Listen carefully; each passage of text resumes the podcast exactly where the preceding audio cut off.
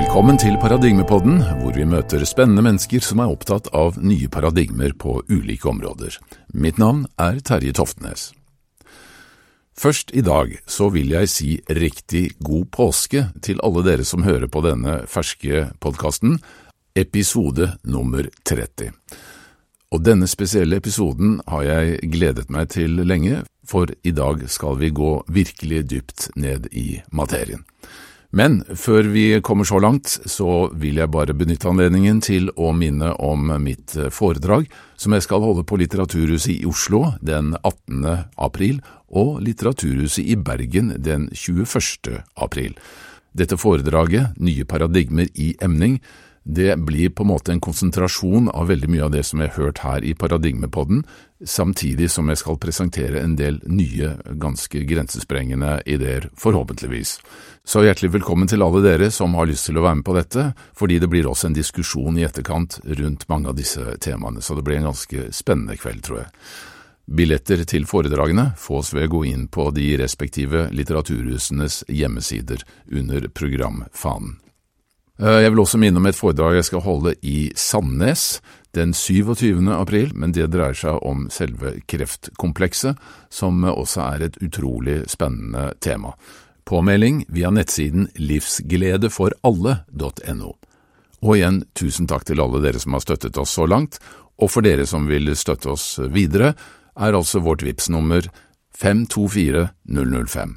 524005. Og så til dagens episode, episode nummer 30 i Paradigmepodden.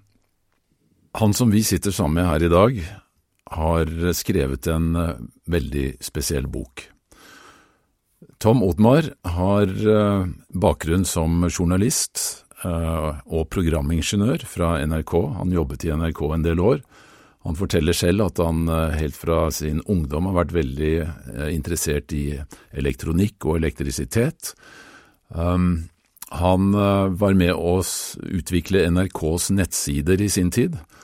Og denne si, innsikten i både elektronikk og data gjorde også at han har vært senere involvert i en del internettselskaper her i Norge.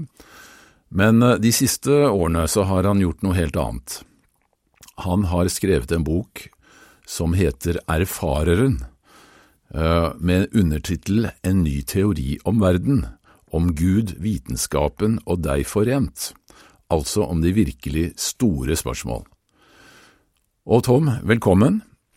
Ja, takk skal du ha. Du, du, kaller dette en idealistisk teori om verden og en fortelling om å våkne til innsikt. Hva i all verden er din bakgrunn for å skrive dette, og hvor kom denne ideen fra, og ikke minst denne innsikten fra? Hvis du kan starte med kortversjonen av, av det der. Det var jo ikke et lite spørsmål, da. um, Dette er et livsprosjekt, tror jeg jeg vil starte med å si. Um, det har kommet til meg. Det er noe jeg har skjønt gradvis i løpet av livet, som har vokst frem um, gjennom den historien jeg på en måte har i livet, og de egenskapene og evnene jeg har. Um, men det har ligget og sovet i mange år, og det har vært veldig forvirret i mange år. og jeg trodde ikke jeg skulle måtte skrive denne boken. Jeg ante faktisk ikke at jeg skulle det, for det er liksom ingen egoistiske grunner til det. Så dette er stoffet uh, og innsiktene som har bare tvunget seg fram, nærmest. Eller lurt seg fram, litt sånn som vann på en måte kan bevege seg gjennom uh, en sand, en, en vold med sand eller noe sånt. Så har denne innsikten bare kommet i drypp, og så har hendelsene i livet plassert meg på de punktene, de riktige stedene, som gjør at jeg på en måte har den kompetansen jeg trenger, at jeg har hatt de uh, mystiske opplevelsene, åpenbaringen, truffet de menneskene som skulle puffe meg på riktig spor. Um, så når jeg sitter her nå, så er det første gang jeg prater offentlig om den boken. Mm -hmm. Den har vært ute siden i mai i fjor. Um, og jeg har ikke gjort noe for å promovere den. Jeg har prøvd liksom å sende et anmeldereksemplar hit eller dit, men jeg skjønte jo fort at jeg, da må man være en berømt forfatter allerede. Så jeg har grunn bare gitt opp, og så har jeg tenkt at ja, men jeg trenger ikke å gjøre noen ting, for at dette går av seg selv. Mm -hmm. Denne boken blir oppdaget av de som skal oppdage den. De som skjønner den, de skjønner den. Jeg skal ikke liksom prakke den på folk som ikke vil ha den, eller som ikke skal ha den. Altså, dette er jo en bok på 500 sider. Og jeg må si at uh, jeg var nysgjerrig når jeg uh, hørte om boka. Uh, og jeg ble jo ikke noe mindre nysgjerrig når jeg begynte å lese. Første delen av boken jo litt om, eller forteller litt om din egen personlige historie, mens den neste delen av boken forteller jo litt om altså disse store spørsmålene som vi skal komme inn på nå. Jeg er mektig imponert. Det gir selvfølgelig gjenklang i mye av det som både Ragnhild og jeg har, eh, har vært borti før. Det gir gjenklang i mange av disse skal vi si, gamle eh, visdomstradisjonene fra Østen. Eh, men du, har, du, beskriver dette på en veldig forstå, altså lett forståelig måte. Du, har, du, skriver på en veldig sånn eh, leken og lett måte som gjør at det er mors, ikke bare interessant, men det er også morsomt å lese. og Det syns jeg er en av bokens styrker, fordi stoffet i seg selv er jo egentlig dødskomplisert. Mm. Uh, spesielt når du kommer inn på fysikken og kvantemekanikken og, og alt, alle disse tingene her, som de fleste mennesker ikke skjønner bæret av. Men det klarer du å, å, å forklare på en, en, veldig leken og, og, forståelig måte.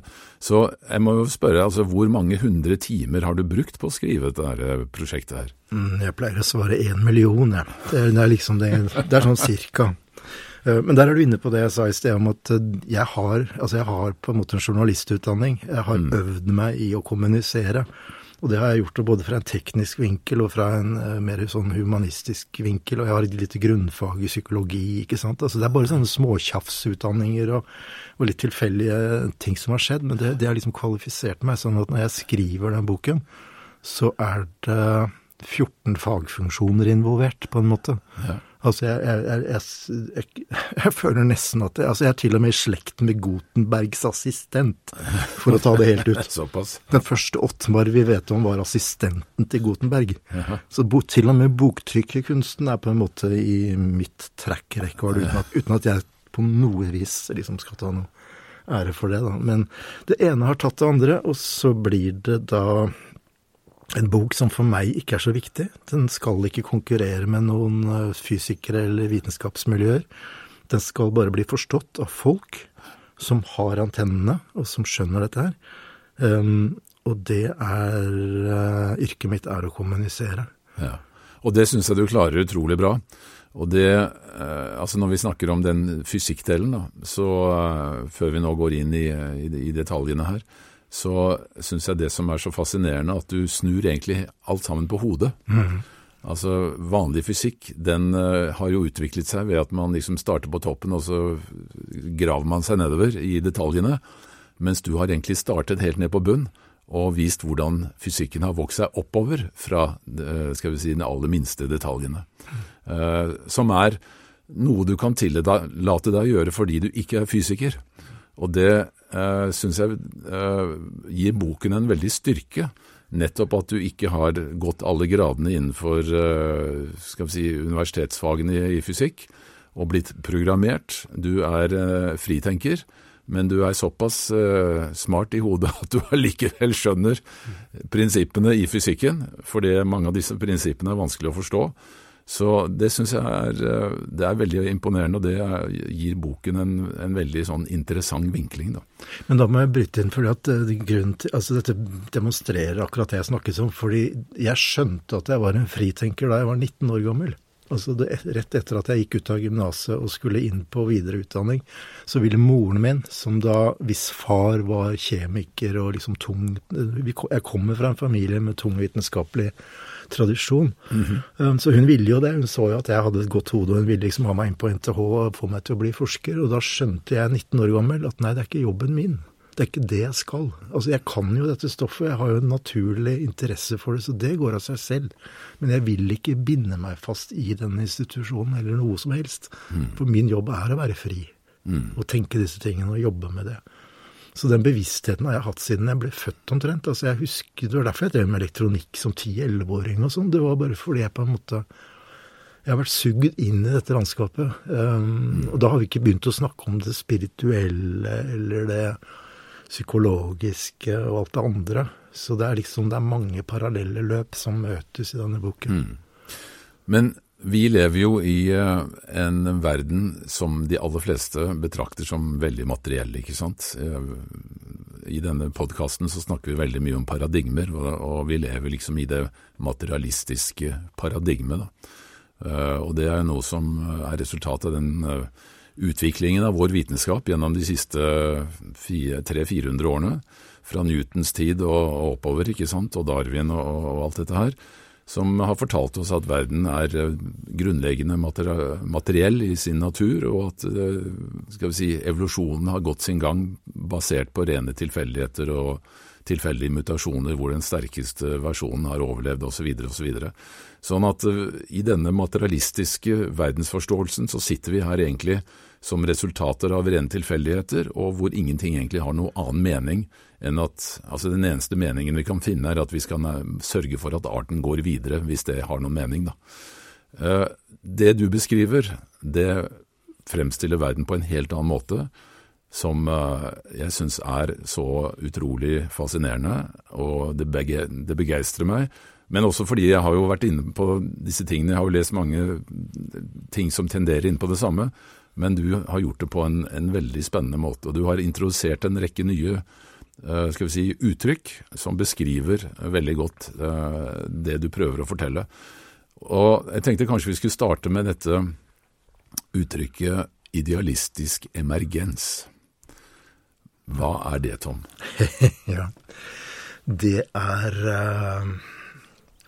Jeg tok Eller jeg startet med å ta Descartes bokstavelig. Mm. Altså Descartes starter Enten begynner man med de gamle grekerne, eller så begynner man med Descartes når man skal forklare verden. Um, og, og, Platon og Descartes er jo idealistene i vestlig kultur, og de står som en bærebjelke, en påle, fortsatt, fordi det er ingen som har klart å på en måte motbevise dem, eller, eller liksom si at disse, disse tankene de hadde, var ugyldige. Så jeg gikk bare inn i hodet til Descartes, og så sa jeg ok, du tenker, altså er du. Det var det han sa. Je mm. pense donc je suis. Um, så har jeg da en forståelse som går litt dypere, unnskyld at jeg sier det, Descartes, men altså, jeg, jeg mener at det er ikke riktig. At uh, han går ikke dypt nok. Mm. Han peker på egoet, for å si det rett ut. Um, så det at, at han, han, oppdager på en måte sitt eget ego Jeg tenker, altså er jeg. Men så tar han ikke det spirituelle og spør, sprang og spør liksom hvem er denne som tenker? Hva er det for slags enhet som tenker? Nettopp. Uh, og det er det jeg gjør. Um, så, og Descartes var jo dualist, så vidt jeg har forstått, så han trodde jo på at det var en materie, og så var det en ånd, så han klarte jo ikke å løse det. Det lar seg ikke løse med en dualistisk uh, teori. Men, men, jeg tok ham bokstavelig, så tenkte jeg at ja, men nå skal jeg ta det helt til bunns. Og så begynte jeg å grave i ja, men hva er det som tenker? Og hva er det som egentlig opplever å være jeg? Og så er det jo noe bak der. Um, og det er noe jeg har erfart. Altså, jeg vet det. Sikkert fordi jeg har erfart Jeg, jeg lever det. Og det, det, kan ikke Descartes ha gjort, rett og slett. Um, og da oppdager du at uh, verden er en er basert kun på erfaring. Det finnes ikke noe hold for noen vitenskapelig teori. Altså I fysikken så, så forsvinner alltid dette nullpunktsfeltet, som er et matematisk landskap. Det er ingenting fysisk reelt i det. Mm. Og det, finnes en åtte-ti andre måter å betrakte det på. Du får ikke bevissthet til å komme ut av materie, hvordan du enn snur og vender på det. Nei, for Dette er jo det store, altså det som kalles for the hard problem in science. Ja. Hva er bevissthet? ikke sant? Og det Eh, jeg satt nettopp og hørte på intervju med en av de som vi har hatt tidligere i denne podkasten, Nasim Haramein, som altså snakker om altså consciousness.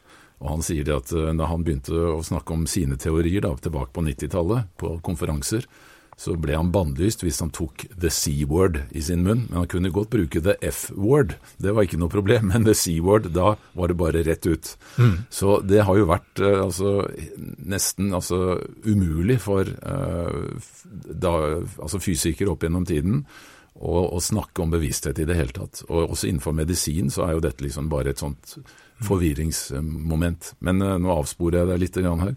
Men, eh, men igjen, altså det, du mener jo at det er dette som er helt grunnleggende? Ja, og det stemmer jo da også med det østlig tenking har fortalt oss i tusener av år, og, det, og, og, vårt begrep om Gud, at alt kommer derfra, at det har en opprinnelse i en spirituell, en ånd, ikke sant. Så jeg bruker et par sider i boken på å forklare at ånd er veldig rotfestet i alle kulturer. Altså vi, vi har det i uh, vår egen åndelighet, altså at man ånder ut når man dør. At man får ånden over seg osv. Altså du finner i språket, etymologien, så er det fullt av spor også i vår kultur og med kunnskap om disse tingene. Mm. Um, som nå er mye glemt. Uh, men så har jeg vokst opp i Nord-Norge. Altså jeg vokste vokst opp i samisk uh, område i Nord-Troms. Uh, som søring. Um, så jeg var ikke veldig sånn sjamanistisk same selv. Men hele kulturen. og vi hadde en hund, og, jeg gikk liksom hele tiden opp, i, opp i, på Gaia-jenka liksom, med den hunden osv. Så, videre. så det er noe sånn som bare Altså, jeg har det i meg igjen, altså. Mm. Um, denne kontakten med det derre bakenforliggende. Mm. Um, og det skyldes også at jeg har et barndomstraume. Jeg ble flytta mellom mor og bestemor, og de gjorde en del dumme ting som gjorde at jeg ble grunnleggende utrygg. Uh, og veldig vaktsom. Og der kommer nok noe av denne intelligensen min fra, at jeg på en måte har sugd til meg alt mulig rart for å være trygg. Mm. Men også fordi jeg har vært på utsiden av alle flokkene. Av liksom grupper og sosiale lag og sånn. Eh, eller sosiale spill, spill, så har jeg på en måte sittet og betraktet, føler jeg, livet og menneskene i en 60 eh, år nå. Mm. Uh, gått fra steg til steg. Og jeg har alltid vært der ute. Jeg har aldri sosialisert meg, på en måte.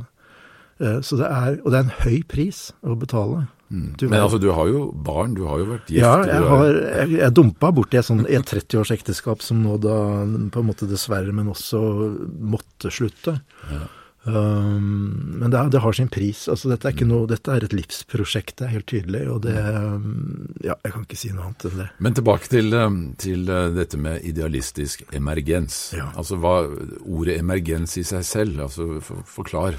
Hva legger ja, du i det? Jeg skal ta det veldig kort. Ja. Um, egentlig så sa du Vi kunne avsluttet intervjuet allerede etter din første setning. Fordi du sa at jeg har snudd det opp ned. Det er akkurat det jeg har gjort. Istedenfor å tro at det finnes en objektiv, materiell verden her ute, som er full av kulepenner og peanøtter og appelsiner og alt mulig rart, så sier jeg at den fins ikke. Eh, det er ingenting i vitenskapen som tyder på at det finnes en materiell verden, og det vet vitenskapen. Det er det, det, er det største paradigmeproblemet i vår samtid, det er at vitenskapen vet det. De har visst det siden 1920-tallet, siden kvantefysikken kom. Mm. Og man har og det har blitt bare mer kaotisk i de hundre årene som har gått.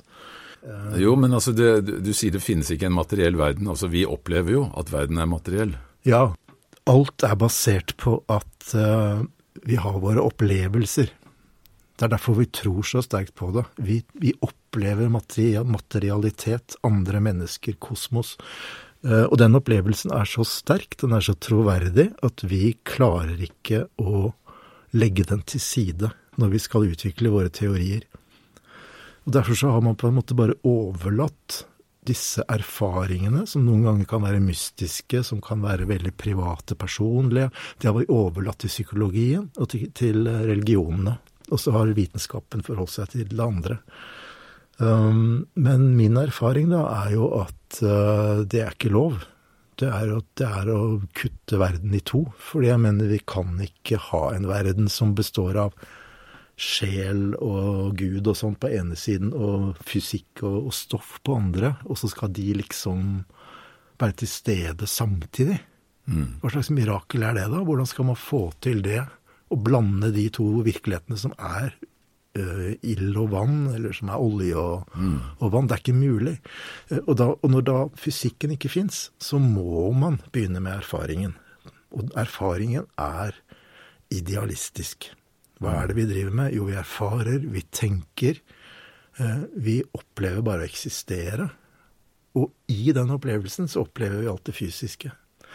Så, men jeg tok det jeg gjorde, jeg tok det spranget, som jeg sier i boken, som Descartes ikke tok. Jeg bare sier at dette er virkeligheten, dette er sannheten om verden. Og så satte jeg meg ned um, ca. en måned med kulepenn eh, på Blindern i, på Fredrikke, for jeg, jeg, er ikke student, så jeg måtte bare sitte et sted. Så jeg satte meg på Fredrikke og tok en kaffekopp, og så satt jeg der i fire uker, og så skrev jeg teorien, den fysiske delen, mm. om hvordan verden da kan tenkes å bli til, hvis man tar utgangspunkt i at alt er bevissthet og ingenting annet. Ja. For det, det, er jo det som er skal vi si, det grunnleggende konseptet da, i, i, din måte å se dette på, som du har til felles, som, som, nevnt, med mange skal vi si, eldre visdomstradisjoner. Da.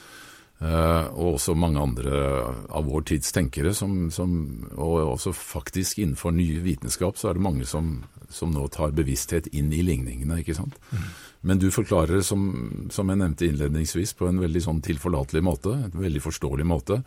Så, så det du sier, da, uh, er at, um, bare for å sette deg litt på sporet her igjen, at alt startet med en tanke. Altså det er tanken mm. som er opprinnelig. Uh, og, så, og så, kommer da dette begrepet emergens. Hvis du skulle beskrive skal vi si, Eh, den første tilblivelsen, da. Altså hva mm. var det som sparket i gang universet? Vi har jo hørt om Big Bang, ikke sant, som mm.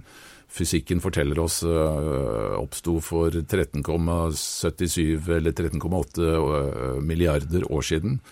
Uh, hvordan forklarer du hvordan det hele startet, da, for å, å si det stille et veldig enkelt spørsmål. Mm. Vi kan, hvis vi starter med å bare snu på dette bildet, fordi i fysikken sier man da at det var et stort bang, og der var det uendelig mye energi, og den har føket utover i 13,8 milliarder år. Hvis vi snur på det, så se på det motsatt, så trengs det bare én enkelt, bitte liten idé, et pust, en liten forandring, en endring av noe slag. Det aller minste tenkelige er det som skal til for å starte verden. For da kommer emergensen inn. Fra et sånt eh, en bitte liten ting som man varer. Ordet varhet er veldig viktig for meg, for det er det vi er. Vi er en varhet. Mm -hmm. Vi har et fantastisk ord, det norske ordet varhet. Det, du, du, finner det. Altså en ulv er var. Det er, en, det er en hyperfølsomhet. Du registrerer. Du er på vakt hele tiden. Mm. Men det er også en kjærlighet og en stillhet og en varme i det. Sånn at det ordet varhet, det er på en måte det mest magiske ordet vi har. Hvis vi tenker også at Gud, eller det som eksisterer, det eneste som er, det er evnen til å være var. Det er noe om det er et kjempe, om Gud er et digert troll, eller om Gud bare er noe fluffy ingenting, eller noe sånt. Altså, det er en evne et eller annet sted til å være var oppmerksom. Og det har du, og det har jeg, fordi vi sitter nå og er oppmerksom på hverandre. Og alt som skal til da, det er at denne varheten, sånn rent teknisk, for nå kommer vi inn på det tekniske, det er at denne varheten får én bitte liten idé.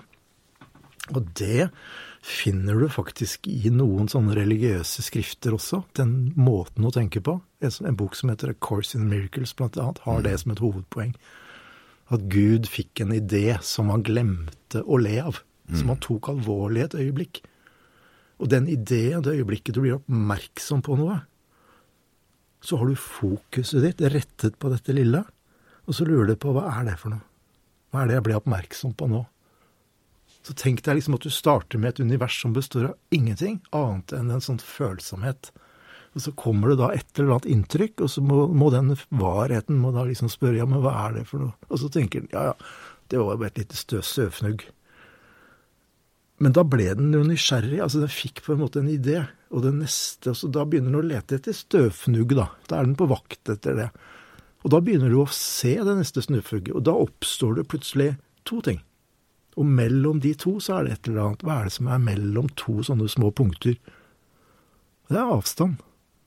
Hvordan vet vi det? Jo, fordi du kaller det avstand. Jeg kaller det avstand. Det er, vi vet det jo, alle sammen. Og så kan man spørre hva er grunnen til at det ene punktet som jeg fikk en idé om, og det andre punktet som jeg måtte få en idé om, for det var bare punkt jeg kjente. Jeg kjente ikke til noe annet. Og så dukker avstand opp. Og så må jeg forstå hva er denne avstanden? Nå, nå er jeg inni hodet til Gud, ikke sant? mm. Og da tenker Gud at ja, men det, jeg må jo bare gi det et navn. God gave names to all the animals, ikke sant? Mm. Og så kaller Gud det bare for tid. Det er tid som er årsaken.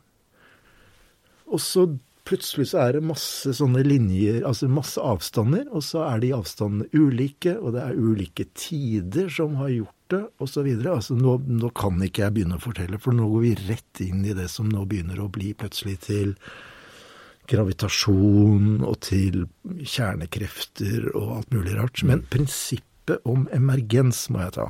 For det er veldig viktig. Men før du tar det prinsippet, du bruker jo ordet Gud. Uh, Gud har jo uh, veldig mange, det, altså det, gir oss veldig mange assosiasjoner. Vi har til og med altså, gitt et kjønn, altså en hannkjønn. Uh, men jeg ser jo også at i boka så bruker du kosmisk intelligens mye. Mm. Og personlig så er jeg litt sånn var for ordet Gud, fordi nettopp pga. alle disse religiøse assosiasjonene. ikke sant? Mm. Men, men altså, når du sier Gud, så mener du altså denne urværen, da, eller varheten? Jeg, jeg, mener, jeg, mener, at Gud er en dogmatisk konstruksjon som er kulturelt betinget, som, mm. som, dukket opp egentlig i Midtøsten, og som har levd med oss i vårt samfunn. Du, du kan gå til alle andre kulturer, så heter det andre ting, ja. men det er den samme. Er, vi snakker om det samme. Et navn må den ha, liksom. Et navn må den ha. Mm. Og når jeg sier erfareren, så er det mitt tapre forsøk på å gi den et nøytralt, teknisk navn. Jeg syns det er et veldig godt navn. Ja, og det er ingen som har brukt det før. Så, så det, det, halvparten av tiden i denne boken var jo liksom bare bli sikker på at ordet erfareren fungerer i alle sammenhenger. Ja, du kaller det the experiencer på engelsk? Ja, det funker på norsk, og det funker på engelsk. og eh, Jeg har jo oversatt og hatt en mann fra England som har lest sin lydbok og sånn, og han, han syntes det var greit. Eh, men så for at folk, folk, skal forstå det, for jeg kan ikke gå rundt og snakke om erfarere, det er ingen som klarer å skjønne noe av det, så må jeg bruke ordet Gud. For da skjønner folk hva det er. Okay. Men så må jeg ikke bli hengt av kirken heller. Må, de må ikke brenne meg også på torget i Roma, liksom. Men altså, Gud fikk en idé. Ja, Gud fikk en liten det, idé. det, man... det oppsto et punkt, og så oppsto det et, et, punkt til. Og mellom disse to punktene så var det en avstand, ja. og det definerte tid. Der var vi. Ja. Ok, hva skjedde videre? Um, da skjedde det en eksplosjon som vi finner igjen i The Big Bang, som er da inflasjonsfasen i The Big Bang som sier at på 10 i minus 32 sekunder, altså det er så kort at du kan Du rekker ikke å le deg i hjel engang. Ehm, så, så, ble Så ekspanderte verden fra ingenting til eh, ca. en omkrets på 150 millioner lysår. Mm. Det sier fysikken. Mm. Um, og det er nøyaktig det samme jeg sier. Jeg har bare gått til den motsatte enden av universet, liksom, og sagt at ok, det første punktet oppsto, ideen om avstand mellom to punkter oppsto, tid ble konseptualisert. Og i denne bevisstheten da, så var plutselig tid og avstand, altså rommet, romtiden, var overalt. Uendelig stort. På null tid. Mm. Fordi tanken har ingen hastighetsbegrensning. Mm. Og det har jeg et eksempel på i boken. Hvis du, nå ligger det en banan foran oss heldigvis her. Og ja. hvis, hvis, du kan prøve å forestille at den nå om ett sekund befinner seg på Mars, og ligger på toppen av en av de maskinene som NASA har stående. Du kan fint gjøre det. Forestille deg det. Du får ikke flytta den bananen, men du, tanken er fri. Ja. Og det, øh, Min far han var litt sånn filosofisk anlagt. Og jeg husker en, en, av de setningene han sa til meg når jeg var øh, jeg tror ikke jeg var mer enn 10-12 år gammel. Så sa han at vi vet jo at lyshastigheten er uh, grensen for hvor fort noe kan bevege seg i rommet. Mm. Men det er én ting som kan gå fortere, sa han. Terje, hva er det? Nei, det kunne jeg ikke forestille meg. Det er tanken, sa han. Mm. Du kan tenke deg til den andre, delen av andre enden av universet på et ja. millisekund. Og, vi kan tenke absolutt alt. Altså Jeg kan jo tenke meg at den bananen har fire bein og en kone. Altså Det er ikke noe problem, det. Ehm, så tanken er 100% fri, eh, og det, det, glemmer jo vi. Så vi tror jo at en peanøtt er en peanøtt, men det er jo, det er jo altså Det er ikke noe problem å, å, tenke alt som befinner seg i det rommet her. Um, og det skjer da fordi den tanken om tid og avstand dukket opp, så var den til stede overalt. Og derfor så er rommet uendelig. Det fins ingen begrensning, og det sier også fysikken. Altså de, de, har prøvd å regne på hvor stort universet er, men de, det fins ikke noe svar. fordi uansett hvor langt vi ser, så er det mer av det samme bak den horisonten. Det er bare tekniske grunner til at vi ikke ser den. Så universet eksploderte på null tid til full, til uendelig størrelse, og det er det vi går rundt og lever i nå. Men der, der kom lyshastigheten inn, for det, det, er jo et spørsmål som alle lurer på. Hvorfor er det en, en hastighet ja. som er en grense? Altså hvorfor? Ja, altså det, dette er egentlig veldig enkelt. For jeg sier at verden startet med, med et bitte lite inntrykk. Mm. Jeg kaller det bare for et punkt. bare En som vi må gi et navn. Akkurat som er, Gud må liksom bruke Vi må bruke de termene vi kjenner. Mm. Så det punktet, det er da per definisjon det minste mulige. Mm. Det er nødt til å være det samme som Og den første lengden, som da oppstår mellom de to første punktene, det er planklengden. Ja. Det er ikke noe vei utenom, fordi dette er det minste. Alt som kommer senere, er da en ekspansjon, en utvidelse av det første. Og Når vi snakker om planklengden, så var det en lengde som ble definert av denne fysikeren, fysikeren Max Planck på mm. starten av altså på 1900-tallet, ikke sant? Og det er noe sånt som 10 minus 35.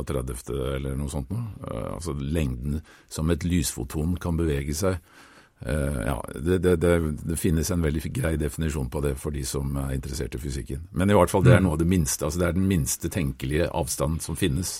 Ja, ja. og det er en teoretisk avstand, og det gjør også da verden til et, eh, til et kvantefysisk sted, altså hvor det er kvanter, hvor er større, mm. den minste størrelsen er et faktum. Ja.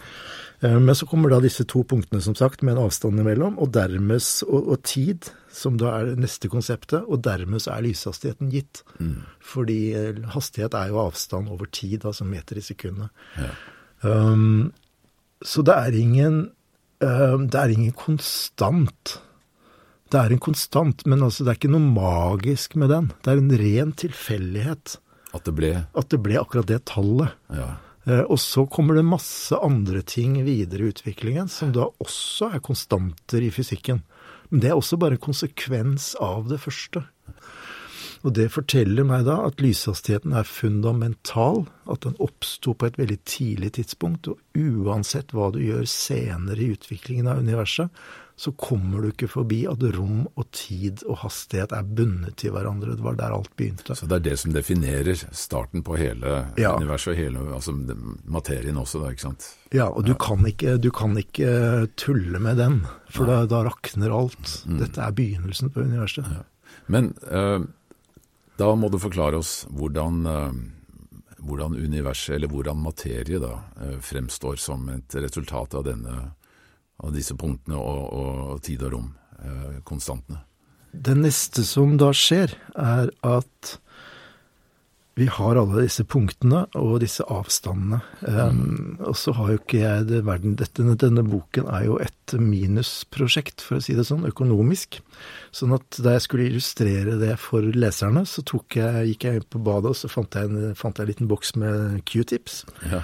Og så gjorde jeg følgende at jeg bare limte disse q-tipsene til hverandre i tuppen, sånn at jeg fikk en liten sånn konstruksjon. Ser ut som en liten geometrisk figur? En liten geometrisk q-tips, ja. Eh, kunstig, kunstig, sak, ikke sant. Ja. Og da ser du med en gang at mellom disse ulike punktene på q-tipsene så er det noen ulike avstander. Noen steder så er det ganske kort mellom de hvite dottene, mm. og andre steder så er det litt lenger. Eh, og hvis du trekker deg litt unna, så ser du at her er det jo et mønster. Eh, det er noen konsentrasjoner der borte, og så er det litt mindre konsentrert der borte. Og disse konsentrasjonene, det er det sentrale. fordi hva er det som skaper de? Altså hva nå, nå, nå må vi gå inn i hodet til erfareren og så spørre hva skal erfareren tenke om det? Erfareren har tenkt disse prikkene og avstandene, og så ser erfareren at ja, men det har jo oppstått mønstre. Hva skal jeg forstå det som? Og det er ikke noe annerledes enn at det står en oransje, rar ting på bordet her. Hva, skal jeg, hva er det for noe? Mm. Ah, det er en kopp. Så det er liksom sånn Gud fungerer også. Hva er disse Det er konsentrasjoner av noen noe prikker. Så tenker Gud at ja, men hva er det som gjør det? At, at det er konsentrasjoner her plutselig. Og da kommer begrepet masse. Fordi det må være noe med prikkene, noe med konsentrasjonene, som gjør at de har noe ved seg som gjør at de konsentrerer seg i klumper. Mm. Hva er det? Så dermed har masse oppstått som det, som det fjerde i universet. Mm. Og da kommer jo da spørsmålet opp ganske umiddelbart uh, med disse skal vi si, grunnleggende elementene da i universet, som er uh, masse, energi og lyshastighet. Og for å starte da med energi, hvis vi går til ligningen til Einstein, E er lik mc i annen, altså energi er lik masse ganger lyshastigheten oppe i høyde i annen. Hvordan vil du definere begrepet energi? Som jeg nevnte i sted, så er det sentrale som erfareren gjør, eh, etter min mening, det er å vare. Mm. Og det er det samme som å registrere endringer. Og det er interessant, fordi dermed har vi straks koblingen til fysikkens begrep energi. Fordi energi er et mål på graden av endring. Det er evnen til å gjøre endringer. Ja. Og det varheten, den idealistiske sjelen, om du vil, eller ånden, gjør, det er å registrere endringer. Mm. Da ser vi plutselig begrepet energi fra den motsatte siden. Mm. Da er energi er det er endring som foregår. Det er varing at du registrerer noe, og så sier du 'hva er det jeg registrerte', og så oppstod det noe nytt fordi det var en avstand imellom, osv. Det er endring på endring på endring på endring. Og dermed så er denne Så har vi altså en energi på en måte som skyter utover i et uendelig stort mønster fra et bitte lite punkt.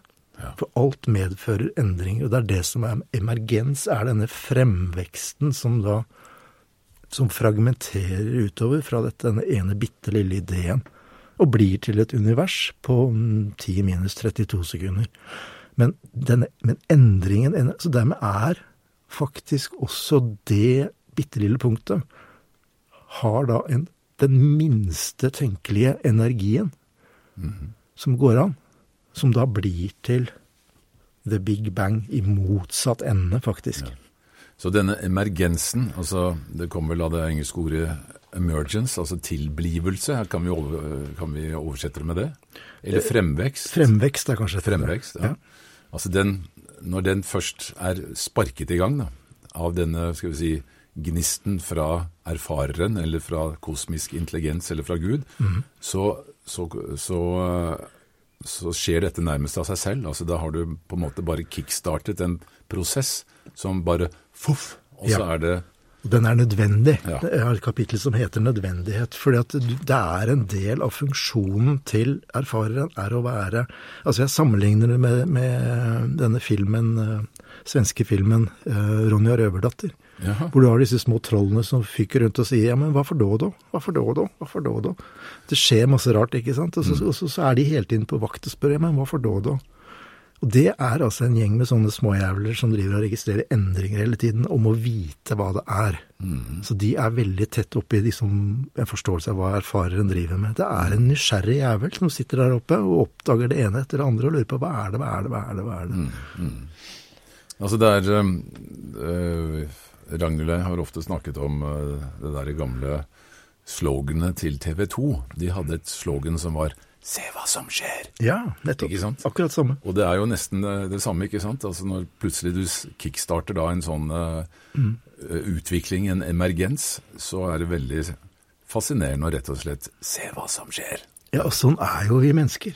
Det er jo det vi er. Altså, vi, vi, er jo en, vi er jo på Du aner ikke hvor mye vi er på en måte på å ute og kontrollerer alt som skjer rundt oss. Vi prøver å syntetisere, integrere trilliarder av inntrykk hele tiden. Vi går rundt og er en computer ikke sant, som bare beveger seg i et ekstremt komplisert landskap. Så det ligger i oss, og vi er denne erfareren. I min teori så er ikke vi en klump med mennesker som har fått en hjerne som plutselig begynner å tenke. Vi er en forestilling, en opplevelse, et teaterstykke, en film inni denne erfareren. Mm. Og vi er Vi skal komme tilbake til hvordan det blir et menneske av det til slutt. Ja. Eh, Men den nysgjerrigheten og den på en måte alertnessen, den varheten som jeg da kaller det, den er der. Ja. Og den er direkte knyttet til energi, rent teknisk.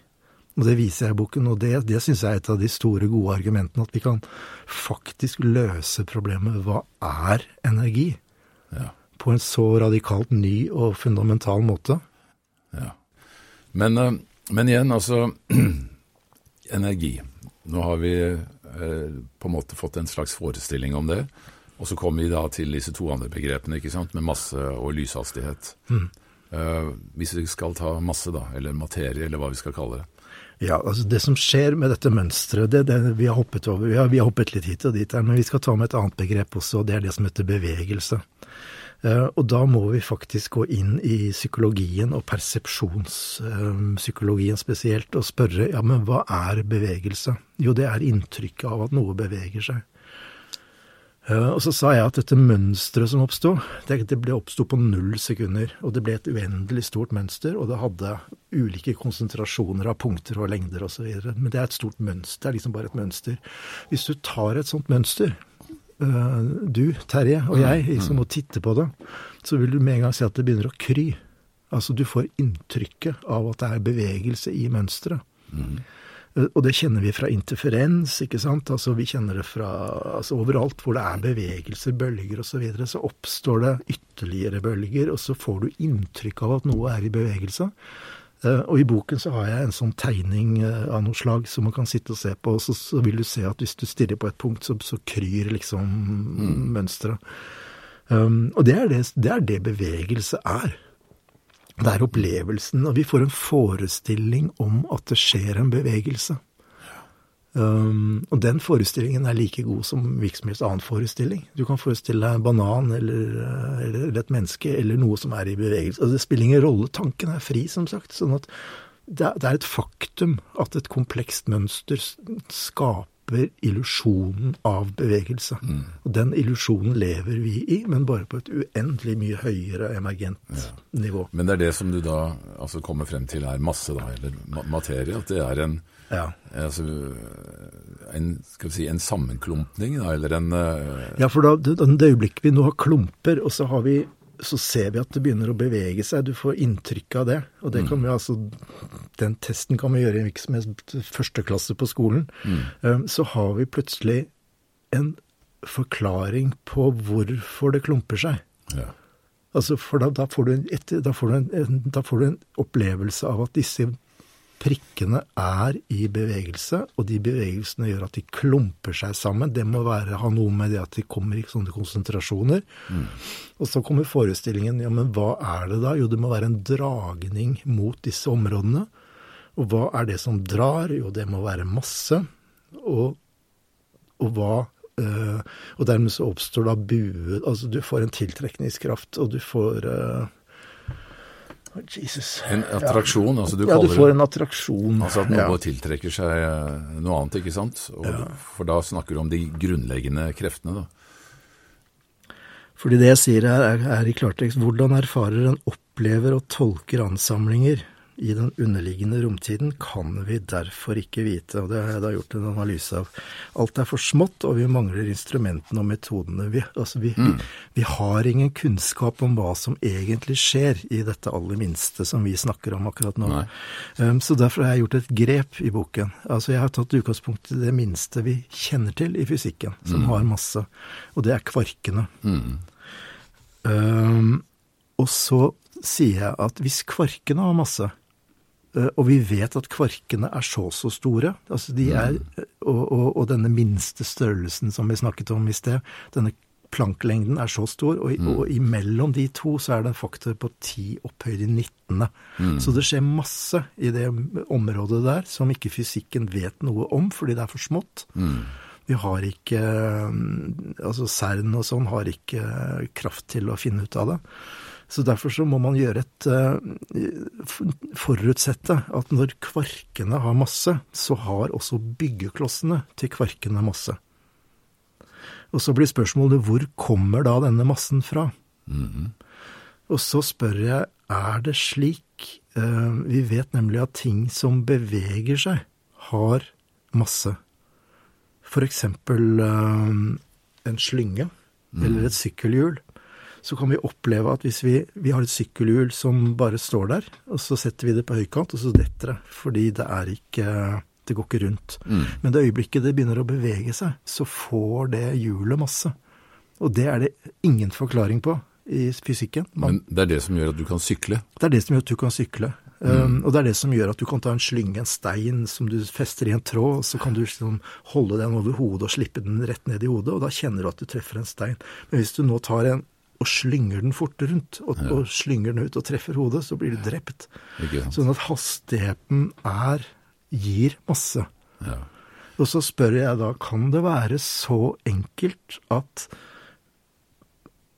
punkter, eller hva som helst i bevegelse, uansett hva det er, skaper opplevelsen av masse. Mm. Altså at masse ikke er noe fysisk materielt som vi kan putte i en boks og måle, men at det er en opplevelse Mm. av bevegelse. At bevegelse oppleves som masse. For det er det det gjør med sykler, det er det det gjør med slynger.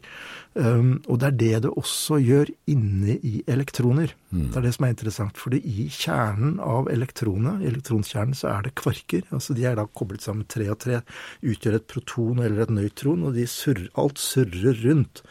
Og det er den surringen Men nå sa du i kjernen av elektroner. Mener du kjernen av atomer eller elektroner? Eh, Jeg mener at atomet, selvfølgelig. ja, ja. ja. kjernen av atomet, Av, av atomet, ja. Elektronet er jo et, en egen partikkel.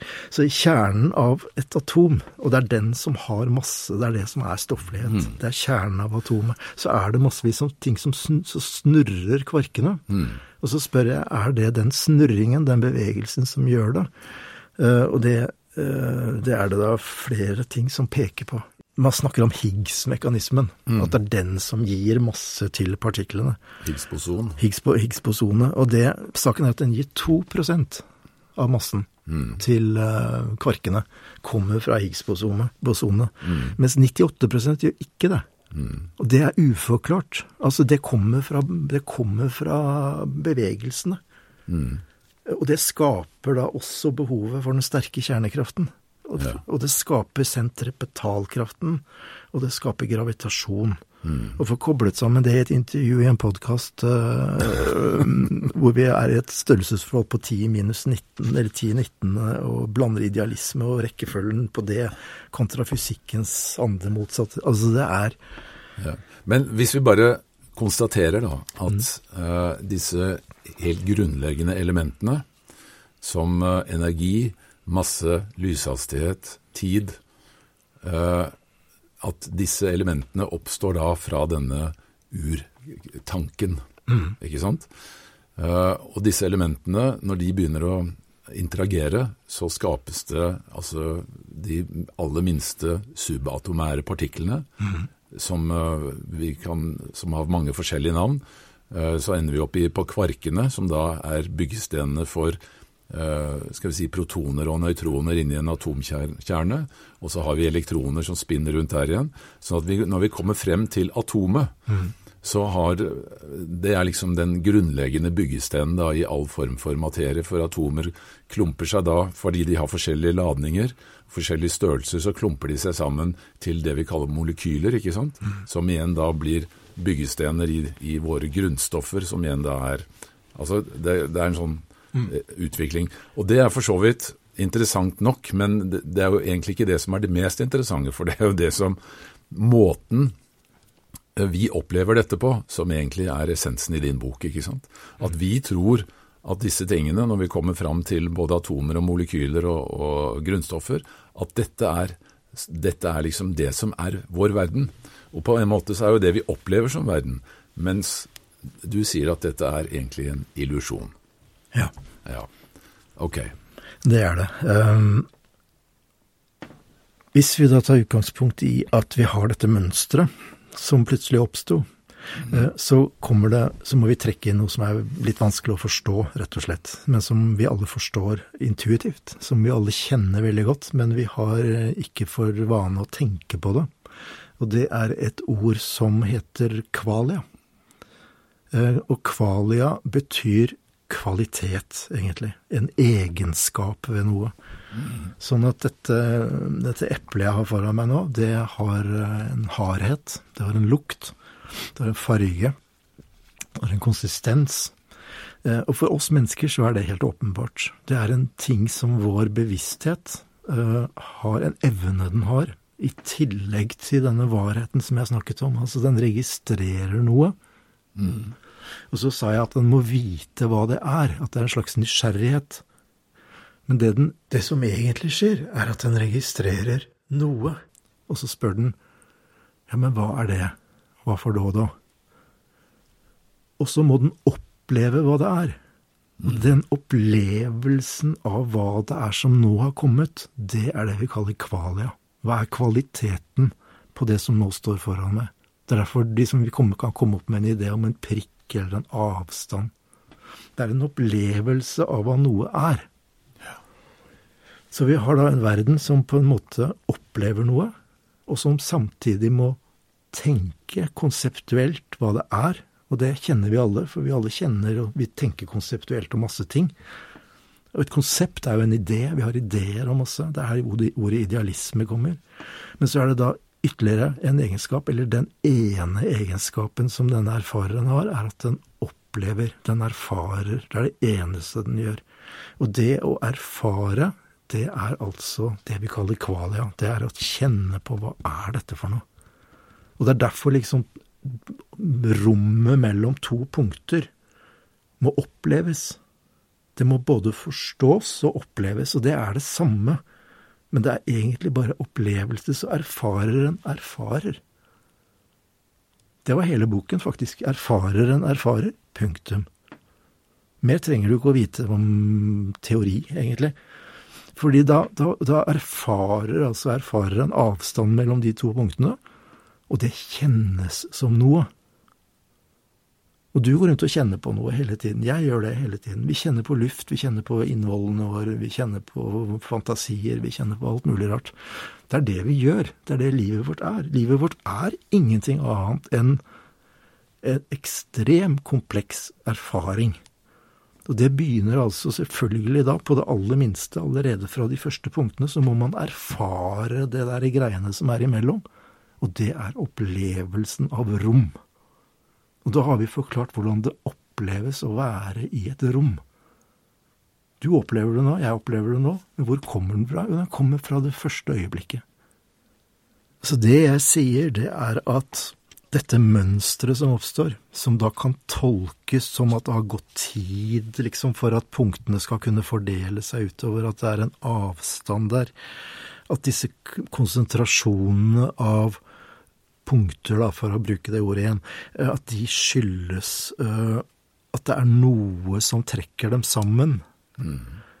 Og dette noe, det, kan, det, det, er, det, er, da noe som erfareren forstår, noe den vet, det er en kunnskap den har, men som den også må oppleve.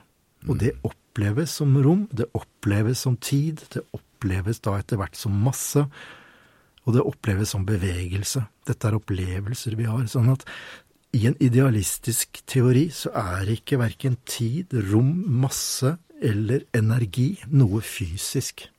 Mm. Det er konsepter, tanker, ideer i en intelligens mm. som samtidig oppleves som kvalia, som en kvalitet. Og ordet kvalia, kvalitet, er det er et under at ikke det ordet på en måte er mer kjent og brukt. Fordi det er, det, hele livet vårt er et eneste stort kvalia. Mm. Men vi er altså blinde for det. Det fantes en bok på, på 60-tallet som jeg husker jeg leste som guttunge, som heter eh, Zen, Zen and the Art of Motorcycle Maintenance. Mm. Zen og, og, kunsten å reparere en motorsykkel. Og det handlet om en professor i filosofi i USA som fikk et spørsmål av en, en student om hvordan skal man beskrive ordet kvalitet. Det var spørsmålet til professoren. Og han gikk hjem, og han leste seg til bunns i alle bøkene sine, og så sa han opp. For det kunne han ikke svare på. Altså, hva slags filosof skal man liksom være hvis man ikke kan svare på hva er ordet kvalitet? Og da, da, jeg leste den boken, så skjønte ikke jeg helt hva som var meningen med ordet kvalitet på engelsk. Liksom, altså det som kan skille noe fra noe annet, liksom. At noe er bedre eller dårligere. Men det er ikke det det betyr. Det betyr hva er det for noe, det at vi opplever stofflighet, at vi opplever tid, at vi opplever rom, at vi opplever tyngde. Hva er selve den opplevelsen? Mm. Og det var det den boken handlet om. Spørsmålet hva er kvalia? Og da svarer jeg Kvalia er et faktum. Det er en egenskap, en evne, som denne erfareren har. Det er evnen til å erfare, evnen til å oppleve. Og det er det samme som varhet. Alt er i dette punktet. Det er evnen til å oppleve. Og da kan man oppleve ideer som tanker, som konsepter i en tanke. Det er en opplevelse. Man opplever en tanke. Og jeg opplever et bord. Begge deler er opplevelser. Alt er opplevelser. Du finner ikke en ting i dette universet som ikke er en opplevelse, som ikke er kvalia. Men du sier altså at det er i bunn og grunn da erfareren som opplever eller erfarer seg selv? Ja, fordi det er ett system, og det er også en veldig viktig ting å si, at når jeg bruker ordet Gud, f.eks., så, så tenker alle på en sånn eh, julenisse som sitter på utsiden av verden og styrer mm. uh, med, med, et maskineri intrikat i alle detaljer, ikke en spurv dør uten at Gud ser det, osv. Det er feil, fordi i en idealistisk verden så er vi en forestilling inni mm. denne erfareren. Vi vet ikke hva erfareren er, eller for å sitere da Einstein, han sier at fisken er den siste til å vite noe om vannet. Mm. Så, så, Gud, erfareren, er liksom vårt vann. Det er det vi er inni. Og, og fordi vi har det perspektivet fra innsiden, så kan ikke vi um, vite noe som helst om hva, dette, hva, det er som sitter og erfarer. Men vi er altså en opplevelse inni denne erfareren, og vi mm. er da denne erfareren. Vi er ikke noe annet. Din og min bevissthet er identisk, har den samme Det er bare den ene bevisstheten som fins, det finnes ingenting annet. Men du og jeg har ekstremt ulike opplevelser. Men allikevel, når jeg ser inn i dine øyne, så ser jeg egentlig inn i en annen utgave av meg selv. Ja, det gjør du. Ikke fullt så direkte. altså Du kan ikke liksom bare ta bordet et hull i øynene dine, og så tyter mm. Gud ut. Det er ikke liksom på det planet. Men, men ja, eh, det er, det er, dette som er magien med øyne og, øyne og blikk. Mm. Um, så du ser Dette er vår port, port inn i, i, sjelen. Det er helt korrekt. Det er ikke noe lyd, det er ikke noe dikt. Det der, det er sannhet. Mm. Men uh, uh, når vi først da er inne i fysikken igjen uh, og snakker om begreper, så har vi også dette begrepet kvantefluktasjoner. Mm. Altså at uh, når uh, ting beveger seg liksom helt nede på det nivået, altså på planknivå, hvor det er da energi Du har allerede sagt at energi altså det defineres ved at noe beveger seg. ikke sant? Altså at det er en det er endring, endring, En endring. Ikke bevegelse, ikke, men unnskyld, alle, alle, endringer. Endringer. Ja. Mm. Men, uh, men, at det helt ned på grunnplanet da, så er det store endringer hele tiden, som sannsynligvis da altså nuller seg ut inntil det begynner å organisere seg da i et form for eh, punkt eller eh, spinn. Er det, tenker jeg riktig nå? Nei. Nei, okay. Men, men, altså, dette er viktig, fordi at det er mange Jeg vet at det er mange som prøver å forklare på den måten, vil, men din forklaring vil jeg ha. Ja. ja. Fysikken har jo da 19 felt. For, for at standardmodellen skal gå opp, så har de for øyeblikket 19 ulike teoretiske mm. felt. Det mener jeg er tull. Altså, det er ikke tull, det er matematikk, så det fungerer. Det er, ja. ikke, det er ikke, noe gærent, men det er ikke, det er ikke, noe realitet i det. Det er for å få ligningen til å gå opp. Ja, Sånn at det finnes egentlig bare ett felt, mm. og det er kvante, nullpunktsfeltet, kvantefeltet. Mm. Uh, og det er, det er, en tanke. Det er det abstrakte feltet som er, som er det erfareren har. Mm.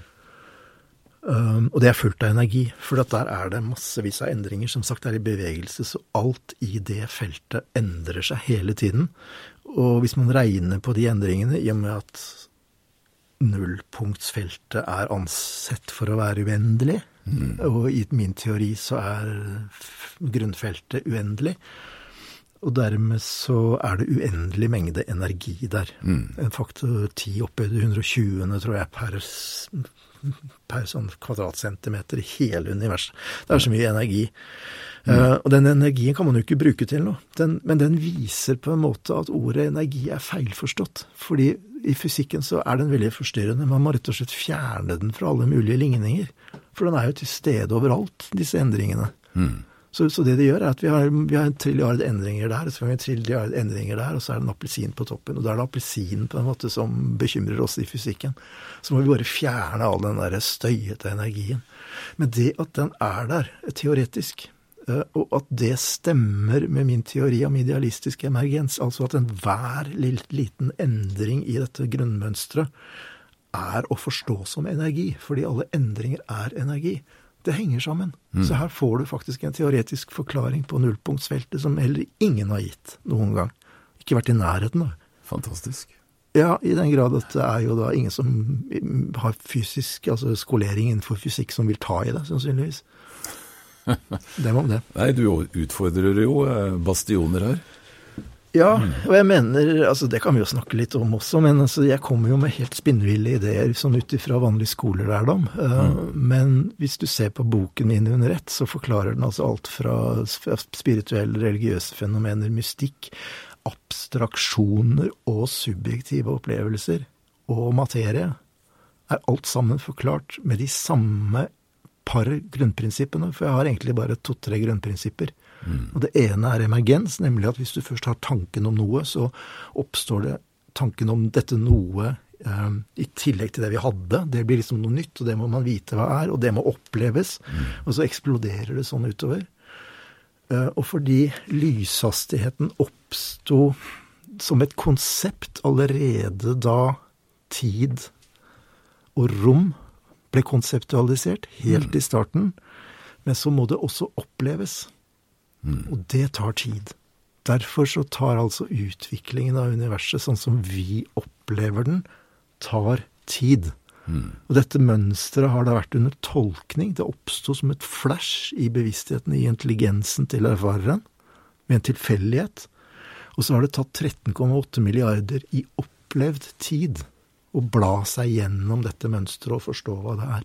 Mm. Det er som om det kommer en kjempediger sky over Gardermoen, og så begynner du å se at men inni der var det en prikk. Å, kanskje det var nesa på et troll. Og så begynner du å fantasere, og så vokser den fantasien utover. Og selve fantasien, den vokser med lysets hastighet, er med, med, altså uten, uten begrensning, for det er bare tanke. Tanken er lynrask.